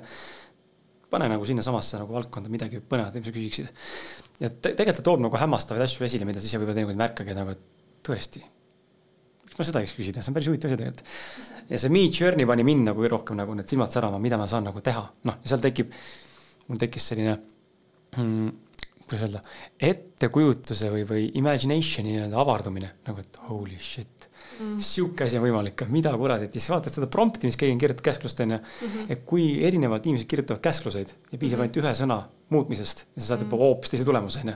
ja siis ma üritasin sõbraga nagu spekuleerida, et kuidas sihukest asja üldse ehitada annab oskad seda kommenteerida, kuidas sa nagu, mis puhta huvitav nagu puhtalt nagu selline tehniline küsimus, et kuidas sa ehitad Midjourney't kui sellist programmi, mis suudab sulle genereerida iga indiviidi unikaalse prompti kaudu midagi väga sarnast, mida tegelikult ta juba ootab ka? Mm -hmm. kuidas see võimalik on, kas sinna kõik need erinevad variatsioonid tahavad kuskile logaritmi sisse kirjutatud või, või nagu mul aju ei hooma, kuidas see nagu võimalik on, et noh mm -hmm ma kirjutan roosa lill elevandi peas, roheline muru ja kass istub äh, elevandi saa peal. nii, ma saan selle pildi. noh, siis ma panen veel, et kas cartoon style anime või realistlik foto on ju. Mhm. et kuidas sellist asja, sihukest nagu süsteemi ehitatakse, on sul üldse kokkupuuteid olemas olnud või ettekujutus, mismoodi see tegelikult käib nagu mm? -hmm, sa mõtled siis mudelite treenimine? mudelite treenimine ja üldse selline ehitamine, ma mm -hmm. päriselt ehitan sellise roboti, mis suudab mulle anda nagu vastuseid mm. -hmm.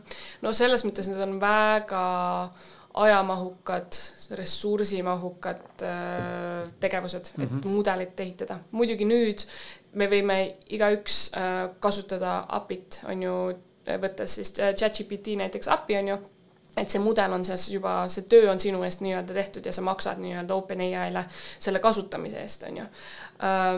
aga noh, jällegi sa küsisid vist sellest vaatevinklist, et kuidas inimese jaoks tekib see emotsioon, et, et see on nii hästi saab mm -hmm. minust nii-öelda aru, on ju. Mhm. aga, aga jällegi see infomaht, näiteks kui me räägime ChatGPT kolm punkt viiest, on ju, seal oli seitseteist koma viis miljardit äh, siis ähm, andmestikupunkti mm, -hmm. mis oli arvesse võetud, on ju, mudeli treenimisel. ja kui me räägime neljast, et siis seal on sada seitsekümmend viis miljardit äh, punkti, et see lihtsalt see infomaht, ma isegi ei suuda ette kujutada, kui mm -hmm. palju seoseid saab selle peal luua, on ju. et, äh, et see ongi väga noh, see kontseptsioon nii-öelda võib-olla, et kuulnud black box'ist, et mm -hmm. musta kasti fenomen, et äh, me isegi ei saa aru, kuidas see arvuti või masin on teinud siis need sellised otsused, aga see tuleneb jah, lihtsalt sellest andmestiku võimekusest ja sellest seoste loomise võimekusest oleneb, olenevalt siis, mis mudel seal taga nii-öelda jooksutab, on ju. et jah. kas sina annad äh, personaalseid konsultatsioone ka?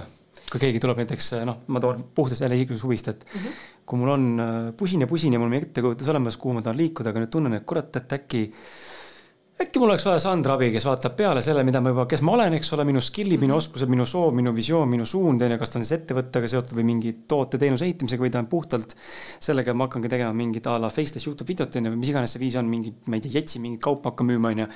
et, et või hoopis pole üldse ideid Mm -hmm. aga tulen jutule ja, ja sa suudad aidata inimesel välja mõelda selle suuna, kuhu ta saaks siis näiteks chat, Midjourney ja võib-olla mõne tööriistaga liikuda. ja ma teen täitsa seda ka, et on ette tulnud, kus ongi, et individuaalne inimene tuleb tal on kindel, siis mida ma tavaliselt teen, ongi see, et ma kaardistan võib-olla mingit kindlat tööprotsessi, millega tal võiks abi tulla -hmm. millised on näiteks need promptid, mida ta võiks kasutada. või siis kindlalt mingisugused erinevad tööriistad, mis välja tuua ja et seda on täitsa olnud, et tullakse kindla, siis on rohkem olnud see, et on kindel juba mm, probleem nii-öelda käsil, jah, mhm. jah, aga et siis mina võib-olla lihtsalt toongi sellest, see nagu sa mainisid ka, et see infovoog on, või mina mainisin tegelikult et infovoog on nii suur, et tahetakse lihtsalt saada konkreetselt, teen enda küsimused siin tunni aja jooksul sees üks-ühele ära, on ju, et ja siis mina näiteks annan veel taustana, kuna minul on see äh, materjali on nagu palju juba ajapikku tekkinud, et ma saan kiirelt nagu suunata mingisuguste artiklite lu lugemisel, mhm, mis mhm. annab seda suurema pildi vaadet tervele arusaamale, kuidas sinu valdkonnas mingisugused teemad nagu võib-olla siis äh, toimivad või mis on need suuremad trendid. kuidas äh, keegi ühendusse võtta, kui keegi kuulab praegu, tunneb, et kurat, see on jube kihvt mõte mm. -hmm. kirjutab kuhu sulle? Instagrami kodulehele, Facebooki, kuhu ta kirjutab sulle, meilile? ja tead, äh, ma olen hoidnud mul on olnud see, et äh, mul on tegelikult brändi nimi ka täitsa olemas, mille alt ma võiksin hakata enda asju ehitama, aga kuna mul on olnud liialt suur nõudlus mm, -hmm. see on nagu hea probleem, mida mm -hmm. omada, aga, aga et äh, arvatavasti kõige parem on võtta otse kas LinkedInist, et ikkagi parem nagu äri, äriplatvormide mm -hmm. kaudu, et või siis meilitsi, mis on minu eesnimi kokku kirjutades lihtsalt gmail.com mm, -hmm. et otse niimoodi okay paneme need, paneme selle LinkedIn'i ja. jah, et koduleht ma võib-olla arvatavasti teen selle käigu ka ära, aga see brändi nimi, mis, mille alt ma tahtsin äh, asju ehitada, on äh, ai empowerment nagu empowerment, aga lihtsalt ees on äh, ai mm -hmm. kirjutatud ja jah, e-, aga eks ole näha ajapikku mm, -hmm. kas ma toon enda kõik, kõik erinevad ähm, materjalid siis kokku ühe brändi alla. kui sa tood mm. -hmm. jah, arvatavasti ähm,. okei okay.. aga mind huvitab puhtalt ka see pool, et äh, mul on siin spetsiaalne küsimus teie jaoks. Sa rääkisid organisatsioonidest ja töötajatest äh,. too äkki mõni näide, kuidas see nagu, kuidas päriselt siis neid äh, tehisintellekti tööriistu siis äh, kasutama hakata ettevõttesiseselt näiteks. ja, ja teine pool ka see, et miks peaks ettevõtted tegelikult sellele mõtlema ja millised ettevõtted peaks sellele mõtlema, et võib-olla siin on võib-olla see ei ole igale ettevõttele hädavajalik või kasulik. Ja teistmoodi võib-olla see ei ole ka igale igapäeva tavakasutajale, everyday, everyday Joe'le nii-öelda, ei ole see mhm. tegelikult hädavajalik ega kasulik. et äh, kas seal on ka see, miks sõna, mainin sõna kasulik just sellepärast, et kas seal on ka mingi selline noh, filosofeeriv või spekulatiivne äh, taustal olev võimalik oht et kui ma kasutan ai-d, siis a la minu loomingulisus ise kukub, eks ole. ma muutun uimasemaks, muutun laisemaks, muutun lohakamaks, noh mm -hmm.. et mis need nagu side efektid võiks olla, aga enne selle side efekti jõua palun selleni, et kuidas sa seda päriselt, kas ühe näitena, kuidas sa ettevõtetes seda kasutad mm? -hmm. mida sa soovid tavaliselt, mis on see levinum võib-olla mm, -hmm. mille poole sina soovitad alati vaadata, mis lihtsustab mingit tööd ja millistel ettevõtetel on tegelikult seda ai äh, perspektiivi, tööriista mm -hmm. üldse vaja mm. -hmm ma võib-olla toon näite Bondora, keda ma nüüd augustikuus siin äh, igat osakonda öö, äh, olen äh, treeninud ja selle põhieesmärgiks on tegelikult, nagu ma mainisin, see kirjaoskus nii-öelda või oskuste, tehisintellekti oskuste arendamine, et üldse see arusaam, et need tööriistad on turul äh, ja siis ka osakonnapõhiselt, et mis on need erinevad ähm, näited, mida ma saan neile tuua, et olgu siis näiteks personali valdkonnast, et kuidas nad saavad genereerida seal äh, intervjuu küsimusi, kokku või et kandidaat, kandidaatidele on ju, et kui äh, nad ei ole võib-olla isegi läbi pääsenud sellest äh, nii-öelda sõelast, et kuidas siis kiirendada seda protsessi, et inimestele teada anda mm. -hmm turunduse poole pealt jällegi turundusvaldkonnas sul on nii palju võimalik äh, efektiivsemalt äh, luua sisuloome selliseid, ma ei teagi, kuidas chain ahelat mm, -hmm. et milliseid teemasid katta. võib-olla siis genereerida veel endale kliendi profiile, kõik turundusvaldkonnas on nagu väga palju, sellepärast ka meil esimene fookus EBS-iga seda nii-öelda kursust arendada turundusvaldkonnas, sest see konversioon või, või jah, konversioon nii-öelda kliendibaasina on tekkinud esimene, esimesena turundajate seas, on ju. aga jah, et turundusvaldkonnas jällegi organisatsiooni osakonna põhiselt on väga palju viise, kuidas sa saad optimaliseerida enda mm -hmm. tööd, on ju mm,. ja ja kui me räägime nagu sellisest suuremast strateegiat, strateegia paikapanekust äh, mm, tehisintellekti valdkonnas, ma ikkagi usun seda, et juurtasandil sa pead ikkagi tegema selle esimese äh, äh, nii-öelda inspiratsiooni jagamise, selle teadlikkuse tõstmise ja hirmu vähendamise läbi selliste, kuidas öelda, huvitavate vaatevinklite, kuidas juba tehisintellekti rakendatakse, on ju, ja siis sa liigud sellesse, et kuidas panna organisatsiooniüleselt see strateegia nii-öelda paika ja, ja noh, jällegi see on jällegi niisugune ras-, raske võib-olla, valdkond on nii palju erinevaid aga jällegi spetsiifiliselt sisse võtta, võib-olla vaadata öö, osakonna või selle mm, valdkonnapõhiselt kõige paremaid ettevõtteid, kes selles valdkonnas on ja kindlasti leiab informatsiooni selle kohta, et millised on nende nii-öelda liikumised just innovatsiooni poole pealt mm, on -hmm. ju. et aga jah, ma seda kindlasti usun, et esimene nagu sissevise teha töötajatele äh, on vägagi vägagi hea just selle tõttu ka, et organisatsiooni siseselt neil hakkab tekkima diskussioon. Äh, sa saad luua selle pinnase, kus nad saavad omavahel informatsiooni vahetada. Äh, ja ka selle, et noh, sa saad paika panna ka selle, et mm, et me organisatsiooni, see on täiesti aktsepteeritav, et sa kasutad neid tööriistasi võib-olla sa, paned ka paika selle, et mis on äh, hea tava, kuidas sa seda teed, kui midagi on genereeritud, et sa paned sinna juurde, kirjutad seda, et see on genereeritud selle või selle äh, tööriista abil, on ju, et ähm, on palju asju, mida saab äh, teha juba praegu ära, aga need esimesed vette viskad ja sul võib nii palju tulla ka nii-öelda juuretasandilt seda sisendit, et äh, kuidas siis liikuda, et mis on need kõige äh, aeganõudvamad või ebameeldivad töö, tööprotsessid, kus me võime leida neid viise, kuidas siis tehisintellekti äh, kuidagi mängu tuua mm. -hmm ja sul oli veel teine poole küsimusest äh, seotud. Need ohud kaasnevad. jah, ohud äh, no kindlasti ongi see, et, äh, et oleks see hea tava paigas organisatsiooni sees, sest me räägime ikkagi suurtest äh, andmetest, mis võivad nii-öelda siis lekkida, on ju, et sa saad seadistada neid platvorme, tööriistasi ka, et äh, kolmandate osapooltega seda või et seda materjali, mida sa sealt läbi lased, et äh, ei kasutataks -hmm. siis mudelite treenimiseks ja need on kindlad sammud, mida sa pead nii-öelda tegema ja see võiks ka tulla nii-öelda organisatsioon, kes on võtnud seda, et tehisintellekti kompetentsi organisatsioonis arendada, et siis need on nii-öelda ettekirjutatud pingutused äh, kõrgemalt ka, on ju, et äh, meelde tuletada mm,. aga ohtude poole pealt või, võib-olla see, et äh, see Google fenomen, võib-olla mm -hmm. oled kuulnud, on ju, et et kerge on siis nagu kõik lasta siis öö, otsingumootorist läbi nii-öelda. Mm, et võib-olla me näeme ka seda, et et esimene nii-öelda, sa ei hakkagi mõtlema, sa paned koheselt selle küsimuse siis näiteks chat-GPT-sse -hmm. kirja, on ju.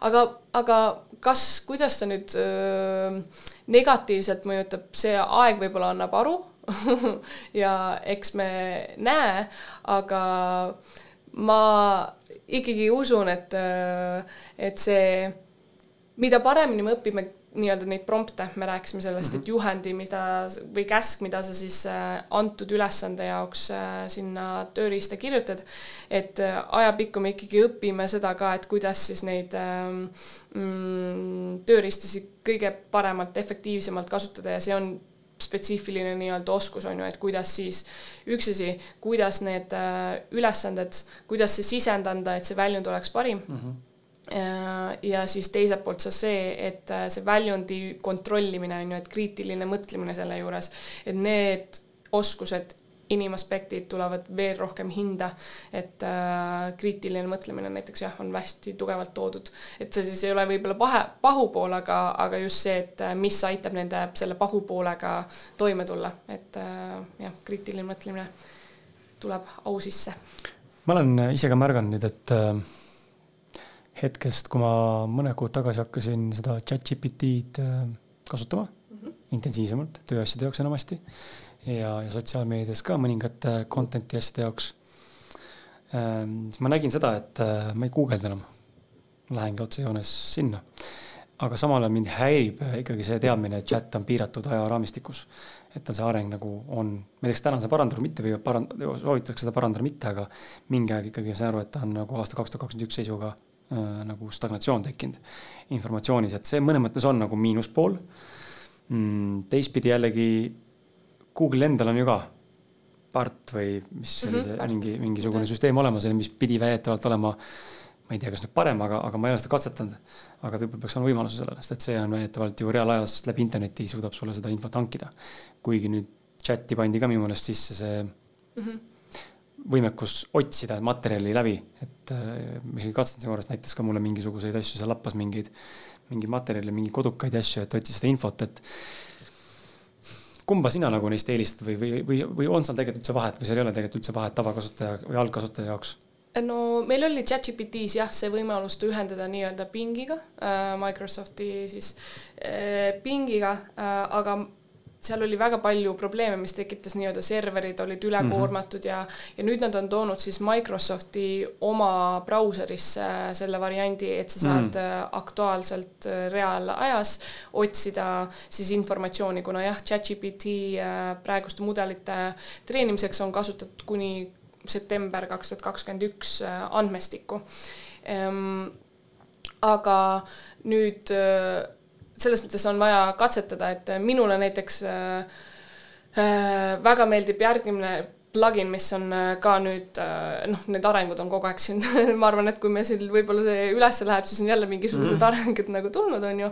aga näiteks selline vari-, variant ChatGPT-s, kus sa saad ähm, plugin'i alla laadida platvormisiseselt, äh, mille nimi on Code Interpreter. Äh, ja seal on siis võimekus see, et sa paned näiteks failid sisse mm. enda poole pealt, mis näiteks andmekogum sul võib olla ja väga hea plugin, mida nagu jällegi katsetada, aga jällegi see reaalajas seal see praegu ChatGPT seda ei võimalda, et sa saaksid informatsiooni siis võtta ähm, skreipida nii-öelda mm -hmm. internetist.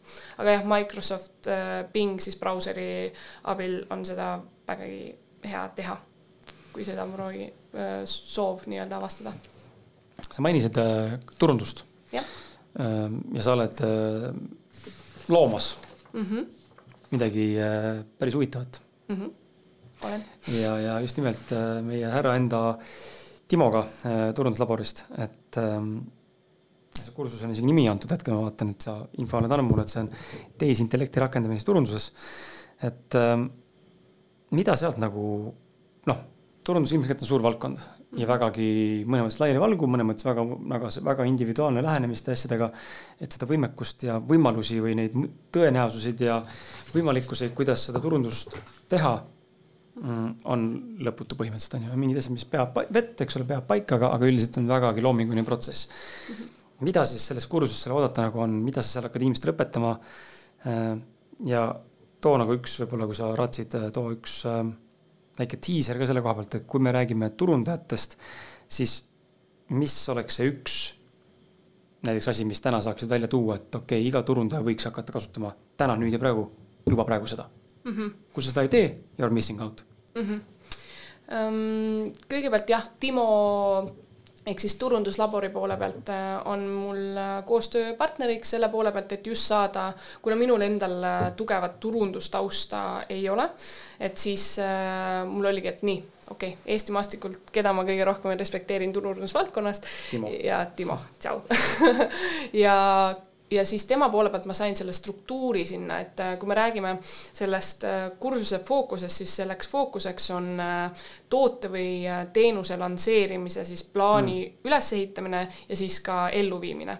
et äh, kui sul on vaja toodet, äh, teenust lansseerida, siis sa pead sinna turundusplaani nii-öelda ümber ehitama täielikult, on ju, nii-öelda kondi ümber liha mm -hmm. ja, ja selle jaoks siis, kuidas sa saad erinevaid tööriistasid kasutada, et seda teha võimalikult efektiivselt ja lõpus siis selle tulemusel ongi terve turundusplaan koos maandumislehega ja millised praegu on need erinevad nii-öelda ai assistendid või ai tööriistad, mida mm -hmm. sa saad selle jaoks nii-öelda siis kasutada äh, ja, ja minul endal on hästi huvitav äh, näha seda, et kui kiirelt sa saad tegelikult sellise süsteemi toote või teenuse lansseerimiseks püsti panna nüüd see äh, näiteks chat-GPT äh, abiga, on ju.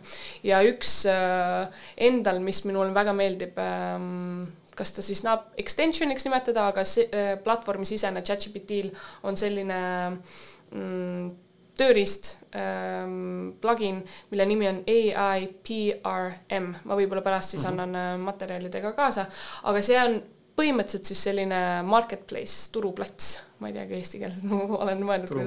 turg. Turg. Äh, siis erinevatele promptidele.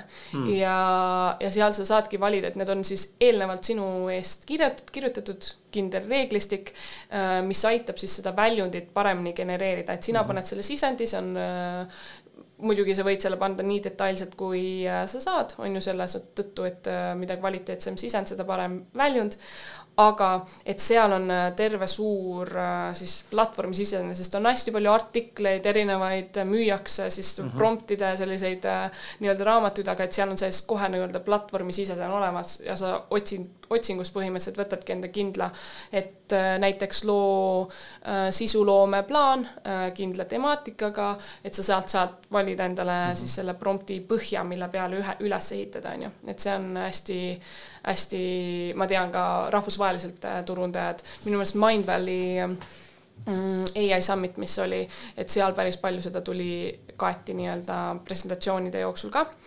Mm, et see on üks asi, mida ma väga soovitan aga just see praktiline kogemus saada sellest, et kui, kui kiiresti saab kvaliteetselt ikkagi äh, genereerida täismahus selline turundussüsteem, et oma toodet või teenust äh, turule tuua ja võttes kõike sinna nii-öelda kliendi profiili äh,, kliendi teekonna kaardistamine äh,, vastuargumentide genereerimine mm. -hmm et seal neid, seda võimekust ja rääkides siis, sa rääkisid seda, et turundajaid on nii palju erinevaid äh, nii-öelda suunasid, kuidas võib ennast positsioneerida, et siis on näiteks ka seal, või sa võid, on ju, Facebooki ads seal genereerida, võttes jällegi üks väga hea tööriist, äh, mis on äh, arendatud äh, mehe poolt, kelle nimi on Peter Kell, kes on Mindvalley'ga samamoodi seotud ja tema, ma ei tea, kas sa oled kuulnud VCL ehk siis Video Sales Scripts, selline viis, kuidas sa saad müüki teha ükskõik või luua oma potentsiaalsele ostjale selline inspiratsioonitunne ja siis ka see, et ta soovib sinu toote läbi siis enda probleemi lahendada. aga et see VCL ai platvorm, mida tema näiteks lahe äh, on praegu üles ehitanud, ma jällegi, ma näen, kui palju oleks turundajatele siis äh, sellest tööriistast mm -hmm. abi, on ju, spetsiifiliselt ja, ja selle kursuse raames ma ehitangi üles erinevaid nagu boonus, äh, et kes tahab nagu süvitsi minna, aga ennekõike see on ikkagi selleks, et luua selline parem arusaam üleüldiselt turundajale, et mis on need ärimaastikul need liikumised, mida me näeme, mis on juba praegu kasutusel, on ju, ja siis ka saada see praktiline kogemus endale mm. -hmm lisaks siis nendele boonustele, mis äh, tuleb erinevate tööriistade abi, mis äh, teevad kindlaid valdkondi palju-palju äh, efektiivsemaks mm -hmm. ja mhm. kulu poole pealt ka odavamaks. me mainisime siin enne või noh, ma mainisin paari korral seda disclaimer'it erinevates nagu nendes teemates ja küsimus ka sulle, et kas sa oled kokku puutunud või oled sa ise kuulnud seda? mina olen ja ma olen selle mõelnud, mind see otseselt ei häiri, aga ma saan aru, et inimesi osasid häirib. Äh, kõik ähm, sisuloome, mida siis ai chat-GPT loob või mida Midjourney teeb äh, nii-öelda siis pildi või illustratsiooni või, või kunstina äh,. väga paljud inimesed on öelnud, mitte ainult siis nagu internetis, vaid ka mul tuttavate seas, et nendele see väga tegelikult ei meeldi, sest et see ei ole unikaalne, see on ikkagi robot et äh, ma saan nagu aru, kust nad tulevad, et see kõik muutub nagu siukseks halliks massiks, eks ole, nii-öelda, et robotteekuse tekstides ei ole nagu autentne või nagu ehe või nagu päris või kuidagi selline siiras äh, või iseloomuga, kuigi tegelikult sa saad ju chat'ile anda ka konkreetselt noh, märksõnad, kuidas, mis tooni või, või mingi alamtooni või, või mingite märksõnade või mis emotsioonidega ta kirjutama peab, tegelikult saab talle anda selle nii-öelda iseloomu justkui sellele tekstile, onju. et aga kuidas sina seda näed, kas see võib nagu olla äh, väike nagu side effect või disclaimer või selline pahupool.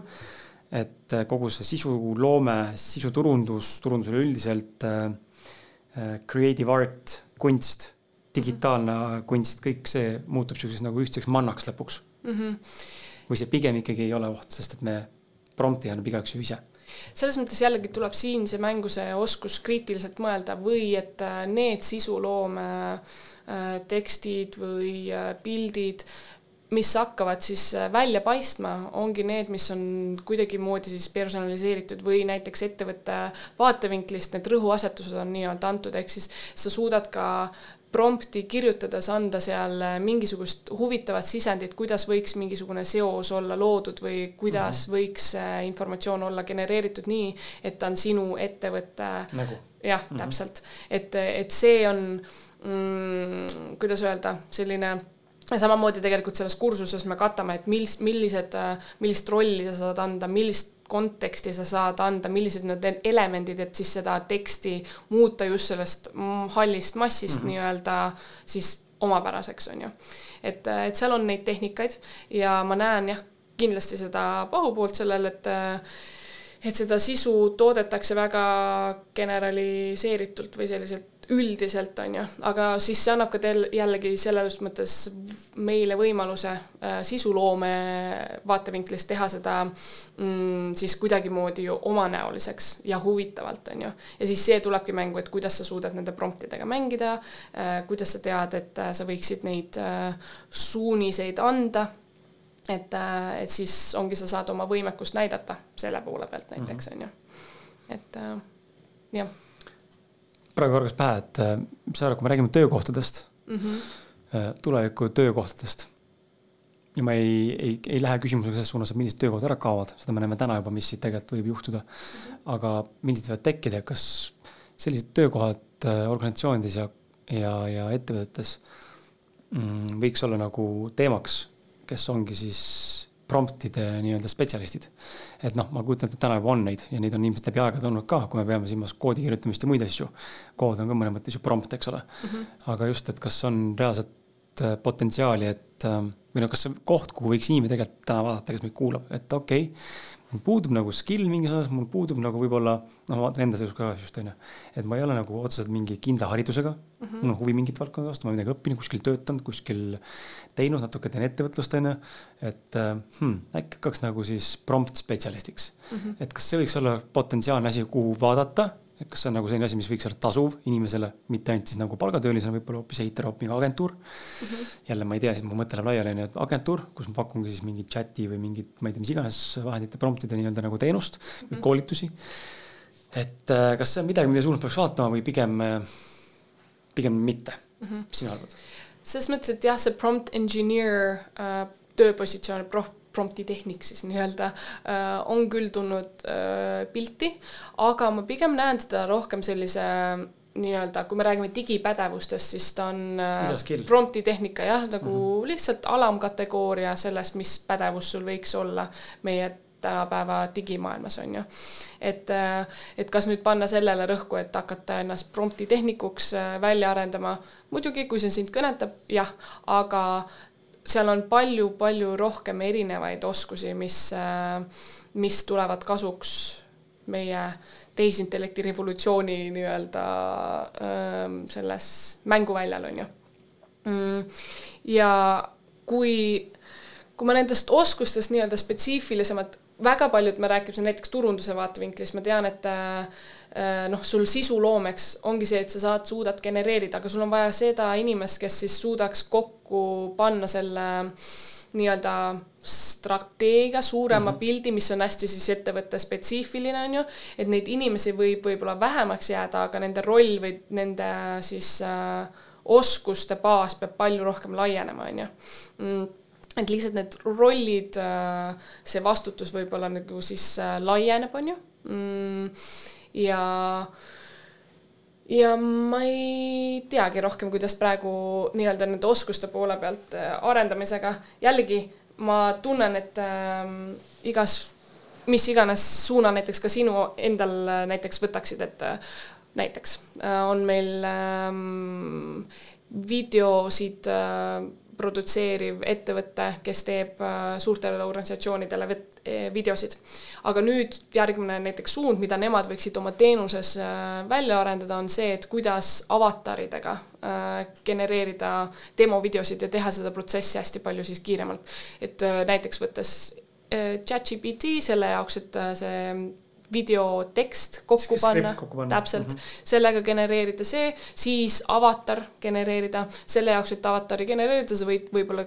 Midjourneys selle pildi avatari jaoks äh, algselt genereerida, mille pealt siis äh, äh, nii-öelda see mm, tekst äh, videoks võiks selle avatari siis mängima nii-öelda panna. et seal on näiteks on täielik oma oma teenuse kategooria võid niimoodi üles ehitada, on ju. et neid näiteid on erinevaid ja kui sa hakkad niimoodi valdkonniti minema jällegi enda, enda kirjast nii-öelda innustatuna, siis äh, neid variante võib leida väga palju erinevaid mm. -hmm. okei okay,, lähme hüppame siit ai-st hingamise juurde. Nonii. see on natuke teie valdkond. aga valdkond, mis on viimastel aastakümnetel või tegelikult on ikkagi väga rohkem isegi olnud aktuaalne, aga võib-olla siin kommertslikumaks muutunud. no ma ei tea, ma pakun ise, ma olen hakanud jälgima seda rohkem sellisel viimase seitsme-kaheksa aasta jooksul, hakanud sisse tulema hingamise olulisust hingamisterapeute on meil siin külaliselt tekkinud Eestis, välismaal samamoodi, kõik on erinevate praktikate, erinevate eh, vaadete ja kõike muudega. aga sina oled meil info alusel, olid sa siis eh, maailma noorim või? ja ma praegu tegelikult ei ole täiesti kindel, et see. enam välid, välid on, aga mingi hetk oli see välid fakt. jah, et seda kindlasti et sa oled üks nooremaid või olid üks nooremaid litsenseeritud äh,. litsenseeritud Wim Hofi hingamisinstruktoreid mm. -hmm, täpselt nii ähm,. mis tähendab ja, ja hakkame pihta sellest siis, et mis, mis see tähendab äh,. Räägi natukene üldse siis Wim Hofi meetodist võib-olla, miks mm -hmm. mina näiteks tegelikult ka detailselt ei tea, ma pole sellesse süvenenud. tean seda härrat nägupidi, milline ta välja näeb, aga, aga ma ei ole nagu süvenenud.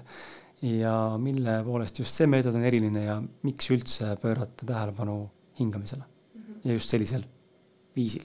jah alustades siis Wim Hofi meetodist, kolmest alustulest, jah, Wim Hof iseenesest on äh, Hollandist pärit äh, kuuekümnendatest meesterahvas, kellel on äh, üle kahekümne kuue Guinessi maailmarekordi, kõik on seotud siis külmaga, ehk siis tema on katsetanud oma endi naha peal erinevaid viise, kuidas siis näidata seda, et meie inimvõimed on tegelikult inimpiirid on palju laiemad, kui me seda mm -hmm. ette isegi suudame kujutada. ja tema siis arendas välja oma katsetuste baasil sellise meetodi, millel on kolm alustala. ehk siis esimene, nagu sa mainisid, on hingamine, siis ja selle kaudu tihtipeale Wim Hofi meetodit tuntakse päris palju, aga siis teine alustala on äh, külmatreening, mis on siis kõige rohkem tuntud äh, Wim Hofi meetodi Wim Hofi meetodit tuntakse siis selle kaudu. ja kolmas alustala, mida tihtipeale ei äh, isegi teata, on meeletreening ja see tegelikult toob kõik need kolm alustala ühtseks kompotiks ja see meeletreening siis endas kätkebki seda, et äh, see pühendumine äh,, praktiseerimine pidevalt, et et siis ka suuta näiteks, kui me räägime külmatreeningust, on ju, et hommikuti kas külma duši võtta talisupplemas käia, jäävanne teha, et selle jaoks on vaja sul kindlat meelestatust, meelelist häälestamist selleks, et sa suudaksid neid äh, situatsioone siis äh, rahu, rahu, rahulikult nii-öelda mm -hmm. nendest läbi minna, on ju. Mm.. ja minu enda teekond algas nüüd juba neli aastat tagasi äh,, kus ma treenisin Wim Hofiga siis äh, Tais. Äh, esimest korda nädal aega olime kõik koos, kuuskümmend inimest üle maailma olid kokku tulnud, et temaga otse siis äh, nii-öelda vahetult äh, seda kogemust saada. tegimegi hingamist, jäävanne ja see oli nii transformeeriv. minul sel äh, ajahetkel oli tegelikult äh, vaimse tervisega, et mul olid paanikahood ja ma ei suutnud kuidagi, olgugi et ma tegin, ma olin tõesti päris palju neid erinevaid äh, tehnikaid, kui me räägime alternatiivsetest äh, tervendamismeetoditest mm -hmm. nii-öelda jooga, meditatsioonid, ma olin päris palju praktiseerinud, siis Wim Hofi meetod oli nii lihtne aga samas nii võimas, et äh, ta tekitas mulle selle ruumi, kus ma mõistsin jälle, et mul on tegelikult kontroll oma keha ja meele üle ja ja see kogemus Tais viis mind tervele rännakule, et käia läbi Wim Hofi meetodi akadeemia, mis annabki siis seda teaduspõhisust äh, minu praktikale juurde ja võimekust siis äh, seda koolitusena nii-öelda edasi anda inimestele, kogemusena ka edasi anda. ja, ja siis ma selle käigus, selle akadeemia käigus olin nii Poolas kui ka Hollandis, siis otse Vimmiga jällegi sain, sain neid praktikaid teha ja ennast siis ka tegelikult korralikult proovile panna mm, -hmm. sellepärast et me räägime ikkagi külmatreeningust, mis, äh, kus on, sa paned ennast ise nii-öelda stressirohkesse olukorda, aga, aga, ja see on turvalises keskkonnas, aga ta nõuab ikkagi, kuidas öelda, sellist äh, meelelist teravust, et sa mõistad, et sa elu ei ole selles mõttes ohus ja kuidas sa suudad väga stressirohkes olukorras rahulikuks jääda. et ma arvan, see põhifookus äh, sellel meetodil, üks asi Wimmi poole pealt on see, et me oleme tänapäeva ühiskonnas liialt äh, liikunud sellesse mugavustsooni ja kuidas me saaksime ennast teadlikult sellest mugavustsoonist välja tuua ja mõista, et meil on kontroll siis oma jällegi keha ja meele üle ja et näiteks näide, et me tuleme tuppa, meil on äh, külm, me saame koheselt panna, meil või meil on keskküte on ju, et et mm -hmm. toas on nagu soe olla või lähme autosse, saame koheselt äh, seal konditsioneeri panna nii tugevalt käima, et oleks võimalikult soe, aga tegelikult meil kehas on olemas see võimekus ja intelligents, et äh, genereerida ise seda soojust enese mm -hmm. sees ja, ja kunagi olid need omadused meil väga-väga vajalikud, et elus püsida, võib-olla praegu jah, see ei ole nii ähm, vajalik, aga ta annab meile ikkagi selle mõõtme, et me tunneme, et me oleme elus ja, ja me oleme võimekad. ehk siis äh, Wim on toonud vägale suurele osale juba ka maailmas tegelikult seda kogemust, kus nad saavad kogeda oma võimu, oma väge ja, ja siis ka seda, et äh, kuidas stressiga paremini toime tulla ja seda maandada äh, nii-öelda on demand oma mhm. mm -hmm. siis soovilt, soovist tulenevalt. vot.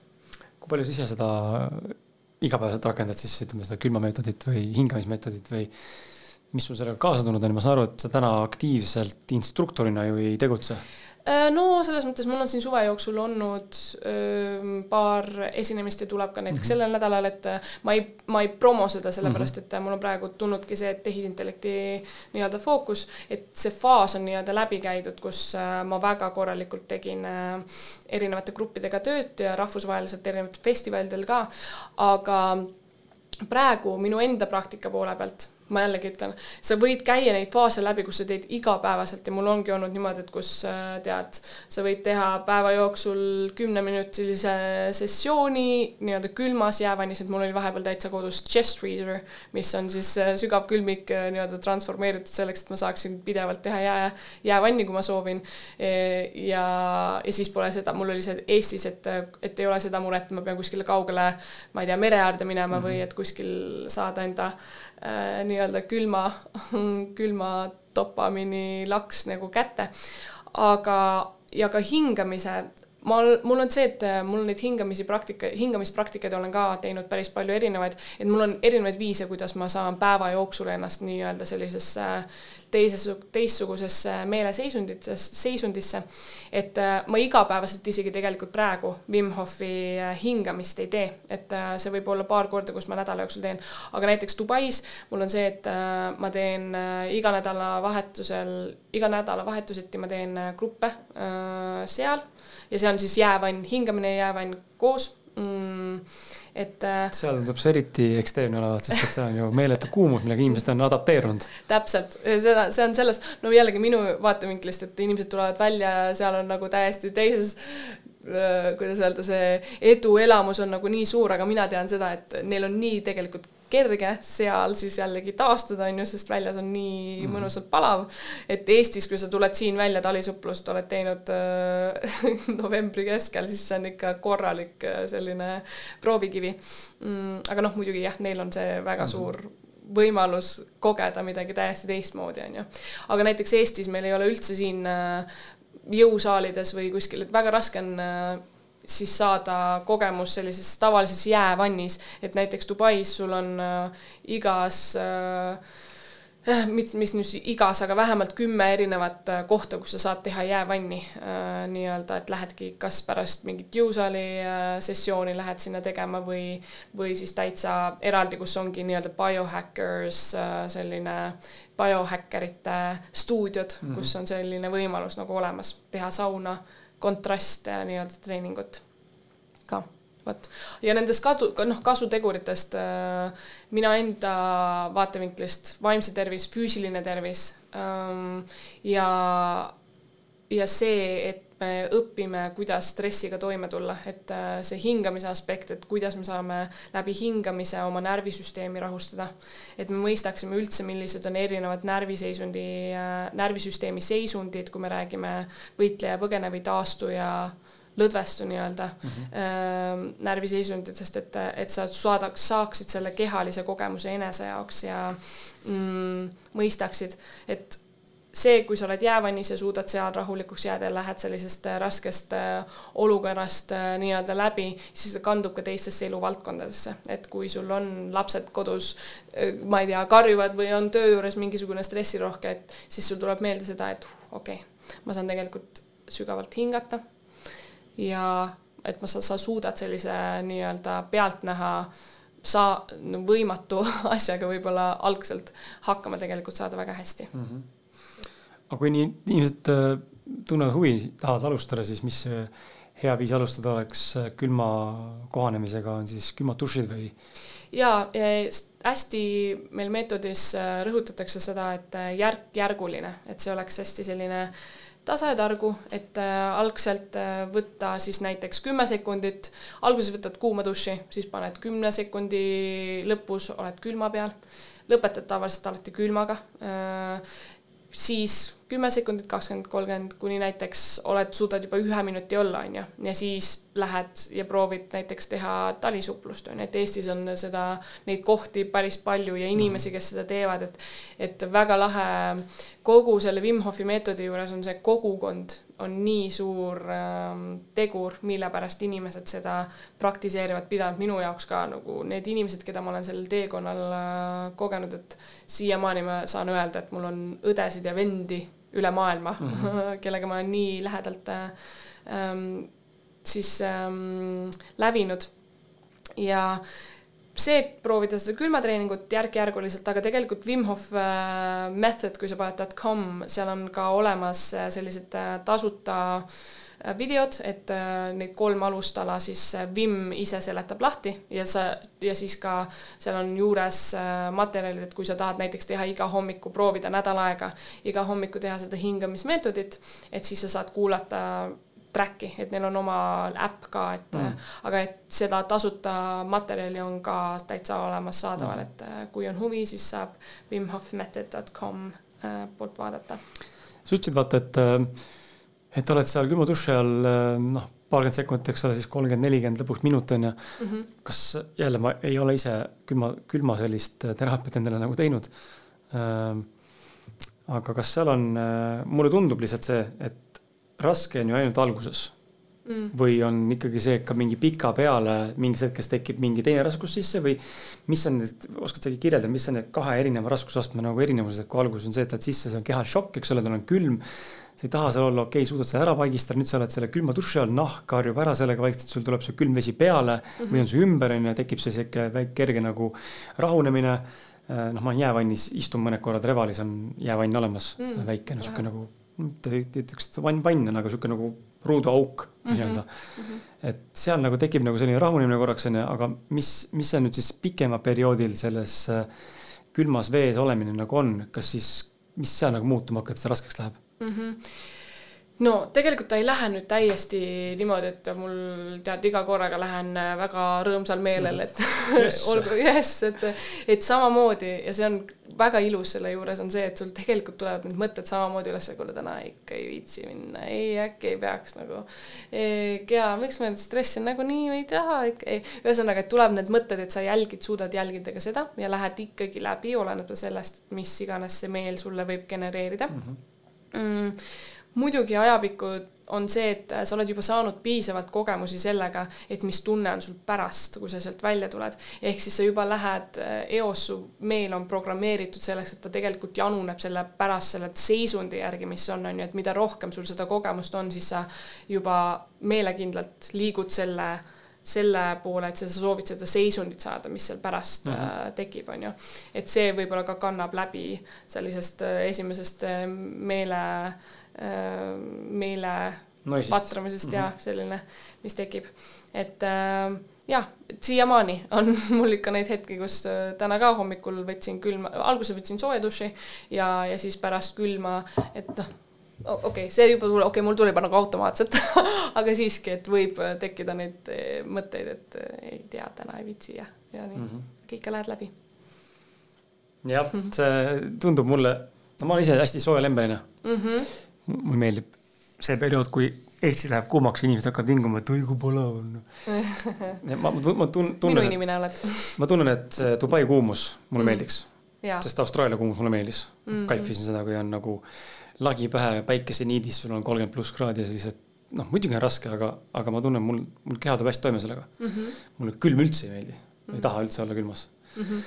nii et äh, ma peaks ka enda otsad ikka sinna tagumikku sinna Dubaisse äkki sättima ühe korra, et näha, kuidas see eluolu ja kliima seal on. jah, või siis ka seda, et vaata mingisuguses elufaasis, et näiteks kui on äh, mingisugune äri käivitamine näiteks ja sa tead, et sul on vaja keskendumisvõimet ja fookust ja tuua seda väestatud tunnet mm -hmm. enesesse, siis mul ongi näiteks see, et siis ma praktiseerin Wim Hofi meetodit võib-olla mm -hmm. igapäevaselt teen, on ju, et äh, et see võib ka tulla mingisugustes kindlates elufaasides või sa tunned, et sa oled kuskil augus ja sa ei ole enes, enesega kontaktis, et ta annab ju sulle võimaluse enda keha ja meelega mhm. kontakti mm -hmm. luua.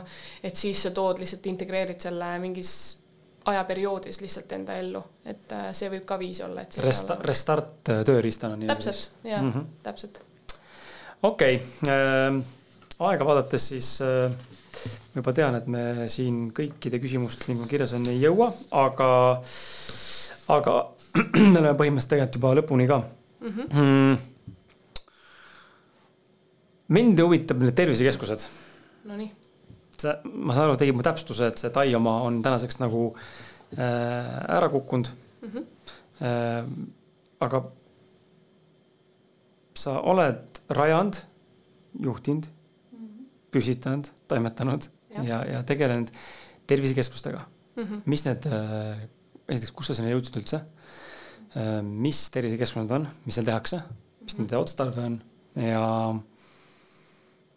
jah, alustame nendest um,. ma arvan, et minu huvi tuli siis, kui ma läksin esimest korda Taisse seljakotiga kaks tuhat seitseteist aastal ja ma läksin puhtalt, et äh, kuu aega õppida joogat ja ma jäin põhimõtteliselt kaheks aastaks äh, ühele paradiisisaarele äh, ja ma õppisin väga palju erinevaid alternatiivseid äh, tervendamismeetodeid.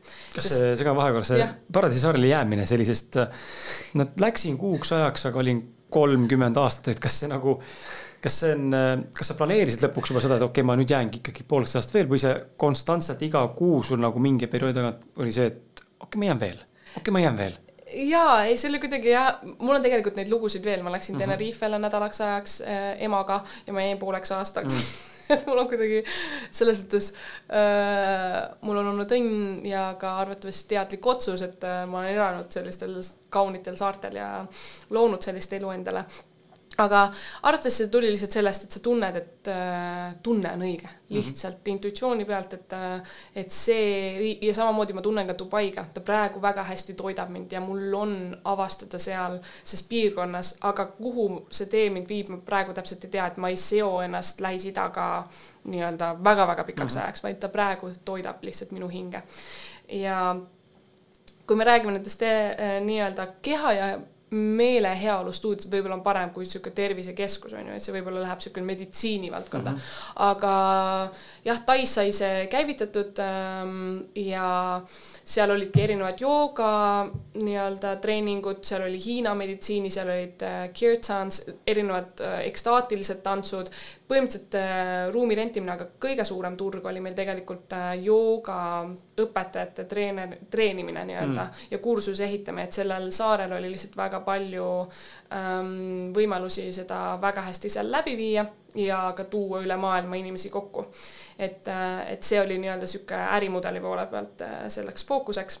aga jah, minule ta tuli täiesti niimoodi, et äh, ma mõistsin, et ma tahan sinna maailma täielikult sukelduda ja mis on parim viis kui selleks, et sa oled kuidagimoodi vahendamas neid erinevaid alternatiivseid tervendamismeetodeid. ja, ja väga korralikult lõi mulle seda pinda, muidugi olen ka olnud erinevates spirituaalsetes kogukondades ja ma saan aru, mis noh, see on juba another mm -hmm. uh, topic to discuss, on ju, aga et kui palju on um, ka spirituaalsetes kogukondades selliseid uh, noh, negatiivseid -hmm. aspekte ka juures, on ju. Aga jah, minul ta tuli täitsa niimoodi, et äh, võimalused avanesid ja, ja ma sain luua endale selle keskkonna, kus ma saan õppida läbi tegevuse ja selle, nende, selle transformatsiooniruumi loomise. ja samamoodi tegelikult Eestis äh, Asse Saugaga sai äh, käivitatud selline keha ja meele heaolu stuudio nagu Sparkspace, kus ma tegelikult sellel nädalal ka hoian äh, või loon ruumi enda lähedastele inimestele, kellega ma koos hingan ja teen kakaod ja äh, kakaorännakut ja helikausse. et äh, et see Sparkspace sai siis Eesti kogukonnale nii-öelda loodud ja seal on samamoodi meditatsioonid, hingamispraktikad, et kus Eesti rahvas saaks nii-öelda kokku tulla ja, ja võtta selle aja, et äh, saada sisekaemust ja praktiseerida siis erinevaid huvitavaid alternatiivseid tervendamismeetodeid. ja see tuleb puhtalt noh, ma tean, et äh, mul on nagu kuidagi kaks identiteeti, et ma võin olla väga tugevalt jalad maas äh, ärimaailmas teha asju, aga ka samas äh, mul on see pool, mis on vaimne ja mm, -hmm. ja, ja praegu ma saan, mõistan, et ma olen natukene liikumas sellest vaimsest tervisele fokusseeritud mm, identiteedist natukene kaugemale, aga see on ikkagi väga tugevasti minu osa ja see arvatavasti on ka seotud minu sporditaustaga mm, -hmm. et, äh, et on lihtsalt paratamatult äh, minu elu osa, aga lihtsalt natuke teises võtmes taustal mm, -hmm. et ta on niisugune minu sisemine äh, viis äh,, kuidas mina endas äh, saan erinevate teemadega toime paremini tulla mm -hmm. lihtsalt, et mul on see kogemus olemas, seda asja teha äh,. lõpetuseks kaks küsimust, kust sinu kohta infot saab LinkedIni ja Instagrami mm? -hmm. on veel kohti, kus ma sind jälgida, inimesed saavad sind jälgida või jah, tegelikult ma ütlekski, et Instagram ja LinkedIn on äh, kohe esimesed variandid. Äh, kui on midagi tööasjus nagu koostöö mõttes, siis ongi sandrareevik.gmail.com mhm. mm. ja, ja noh, nüüd, kui see kursus ka EBS-is välja tuleb, et see tuleb meil kuusteist oktoober nii-öelda käivitub, aga esimesel septembril tuleb avalik informatsioon ülesse ja ka tegelikult minu uue äh, tööpositsiooni kohta siis finants sektoris ja ühesõnaga arvatavasti LinkedIn äh, kannab neid asju kõige paremini ette, kui me räägime ärimaastikult. Instagram rohkem siis terviseteemad ja mm -hmm. see pool. ja mm, mis sind äh, motiveerib ja kus, kus sa näed ennast kümne aasta pärast oh.? need küsimused. see on tavaliselt see, et ärme alusta nagu rasketest asjadest ja siis me seal, kus sa ennast, mis on sinu kümne aasta plaan kuu lõikes detailselt, palun. jah, täpselt um, tead, äh, ma arvan, et äh, väärtusloome kuidagimoodi, noh, praegu ka ma loon organisatsioonidele väärtust ja tiimide siseselt ja ja kogu oma tegevust, tegemiste läbi see väärtuse kasuloome on toimumas, aga võib-olla veel kuidagi mm, võib-olla teha seda rohkem, rohkem veel hingelisemalt ja vaimsemalt, et ma arvan, et see ma alustasin selles maailmas, et tihtipeale on niimoodi, et tead, käiakse väga tugevalt karjääriredelit ja ärimaastikut, mina alustasin natuke teistmoodi, on ju, mis annab mulle tegelikult äh, võib-olla siis, äh, see on jällegi positiivne, ma arvan, et mul on lihtsalt seda kogemus, kuidas seda teha, kuidas elust läbi liikuda teadlikumalt ja, ja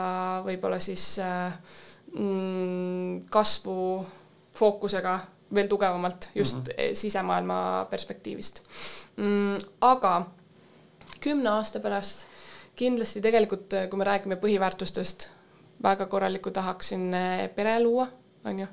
Eh, et, et perekond on minu jaoks väga-väga-väga suure väärtusega, pluss inimsuhted läbivalt et see, et ma oleksin rahul inimsuhetega, mis on minu ümber nii professionaalselt kui ka personaalsel tasandil ja, ja siis see contribution, ma arvan, siis ongi see väärtuse mhm. loome mm -hmm. äh, laialdasemalt, mitte isegi see, et, et mul on olnud praegu isegi tulnud neid võimalusi, kuidas näiteks Eesti haridusmaastikku, me rääkisime äh, lapsmasin kui äh, nii-öelda tehisintellekti valdkonnas see film äh, Eestis välja tuli, et, et kuidas saaks näiteks Eesti maastikul haridust mõjutada ja ma teen ka seda kuidagimoodi läbi EBS-i on ju, aga et võib-olla see saab veel rohkem struktuuri kümne aasta pärast et, et kuidas ühiskonnas muutust äh, siis eest vedada äh, ja jah, ja hingestatult seda teha mm, -hmm. et äh, see on võib-olla mõned, mõned märksõnad sellest, et mis, mis ma tahaksin luua.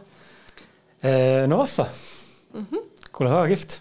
kas sa oled aega vaadanud, ei ole no, et äh, tund nelikümmend läks nagu äh, niuhti mm. -hmm.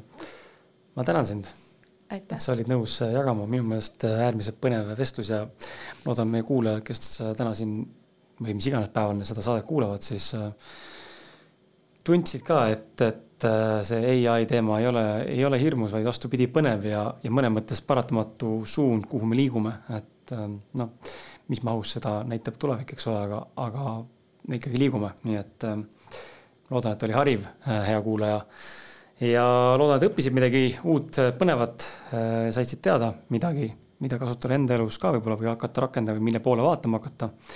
ja võib-olla said hoopis äh, motivatsiooni hakata jäävanni külastama juba täna. kui sul on kodus vann, siis vala ka vett täis ja, ja mõned äh, jääkubikud ka ja proovi. aga ja ma tänan, Sandra, sind veel kord. aitäh kutsumast. tänan ka sind, hea kuulaja ja kohtume juba järgmistes äh, podcast'i episoodides. tšau-tšau. tšau-tšau.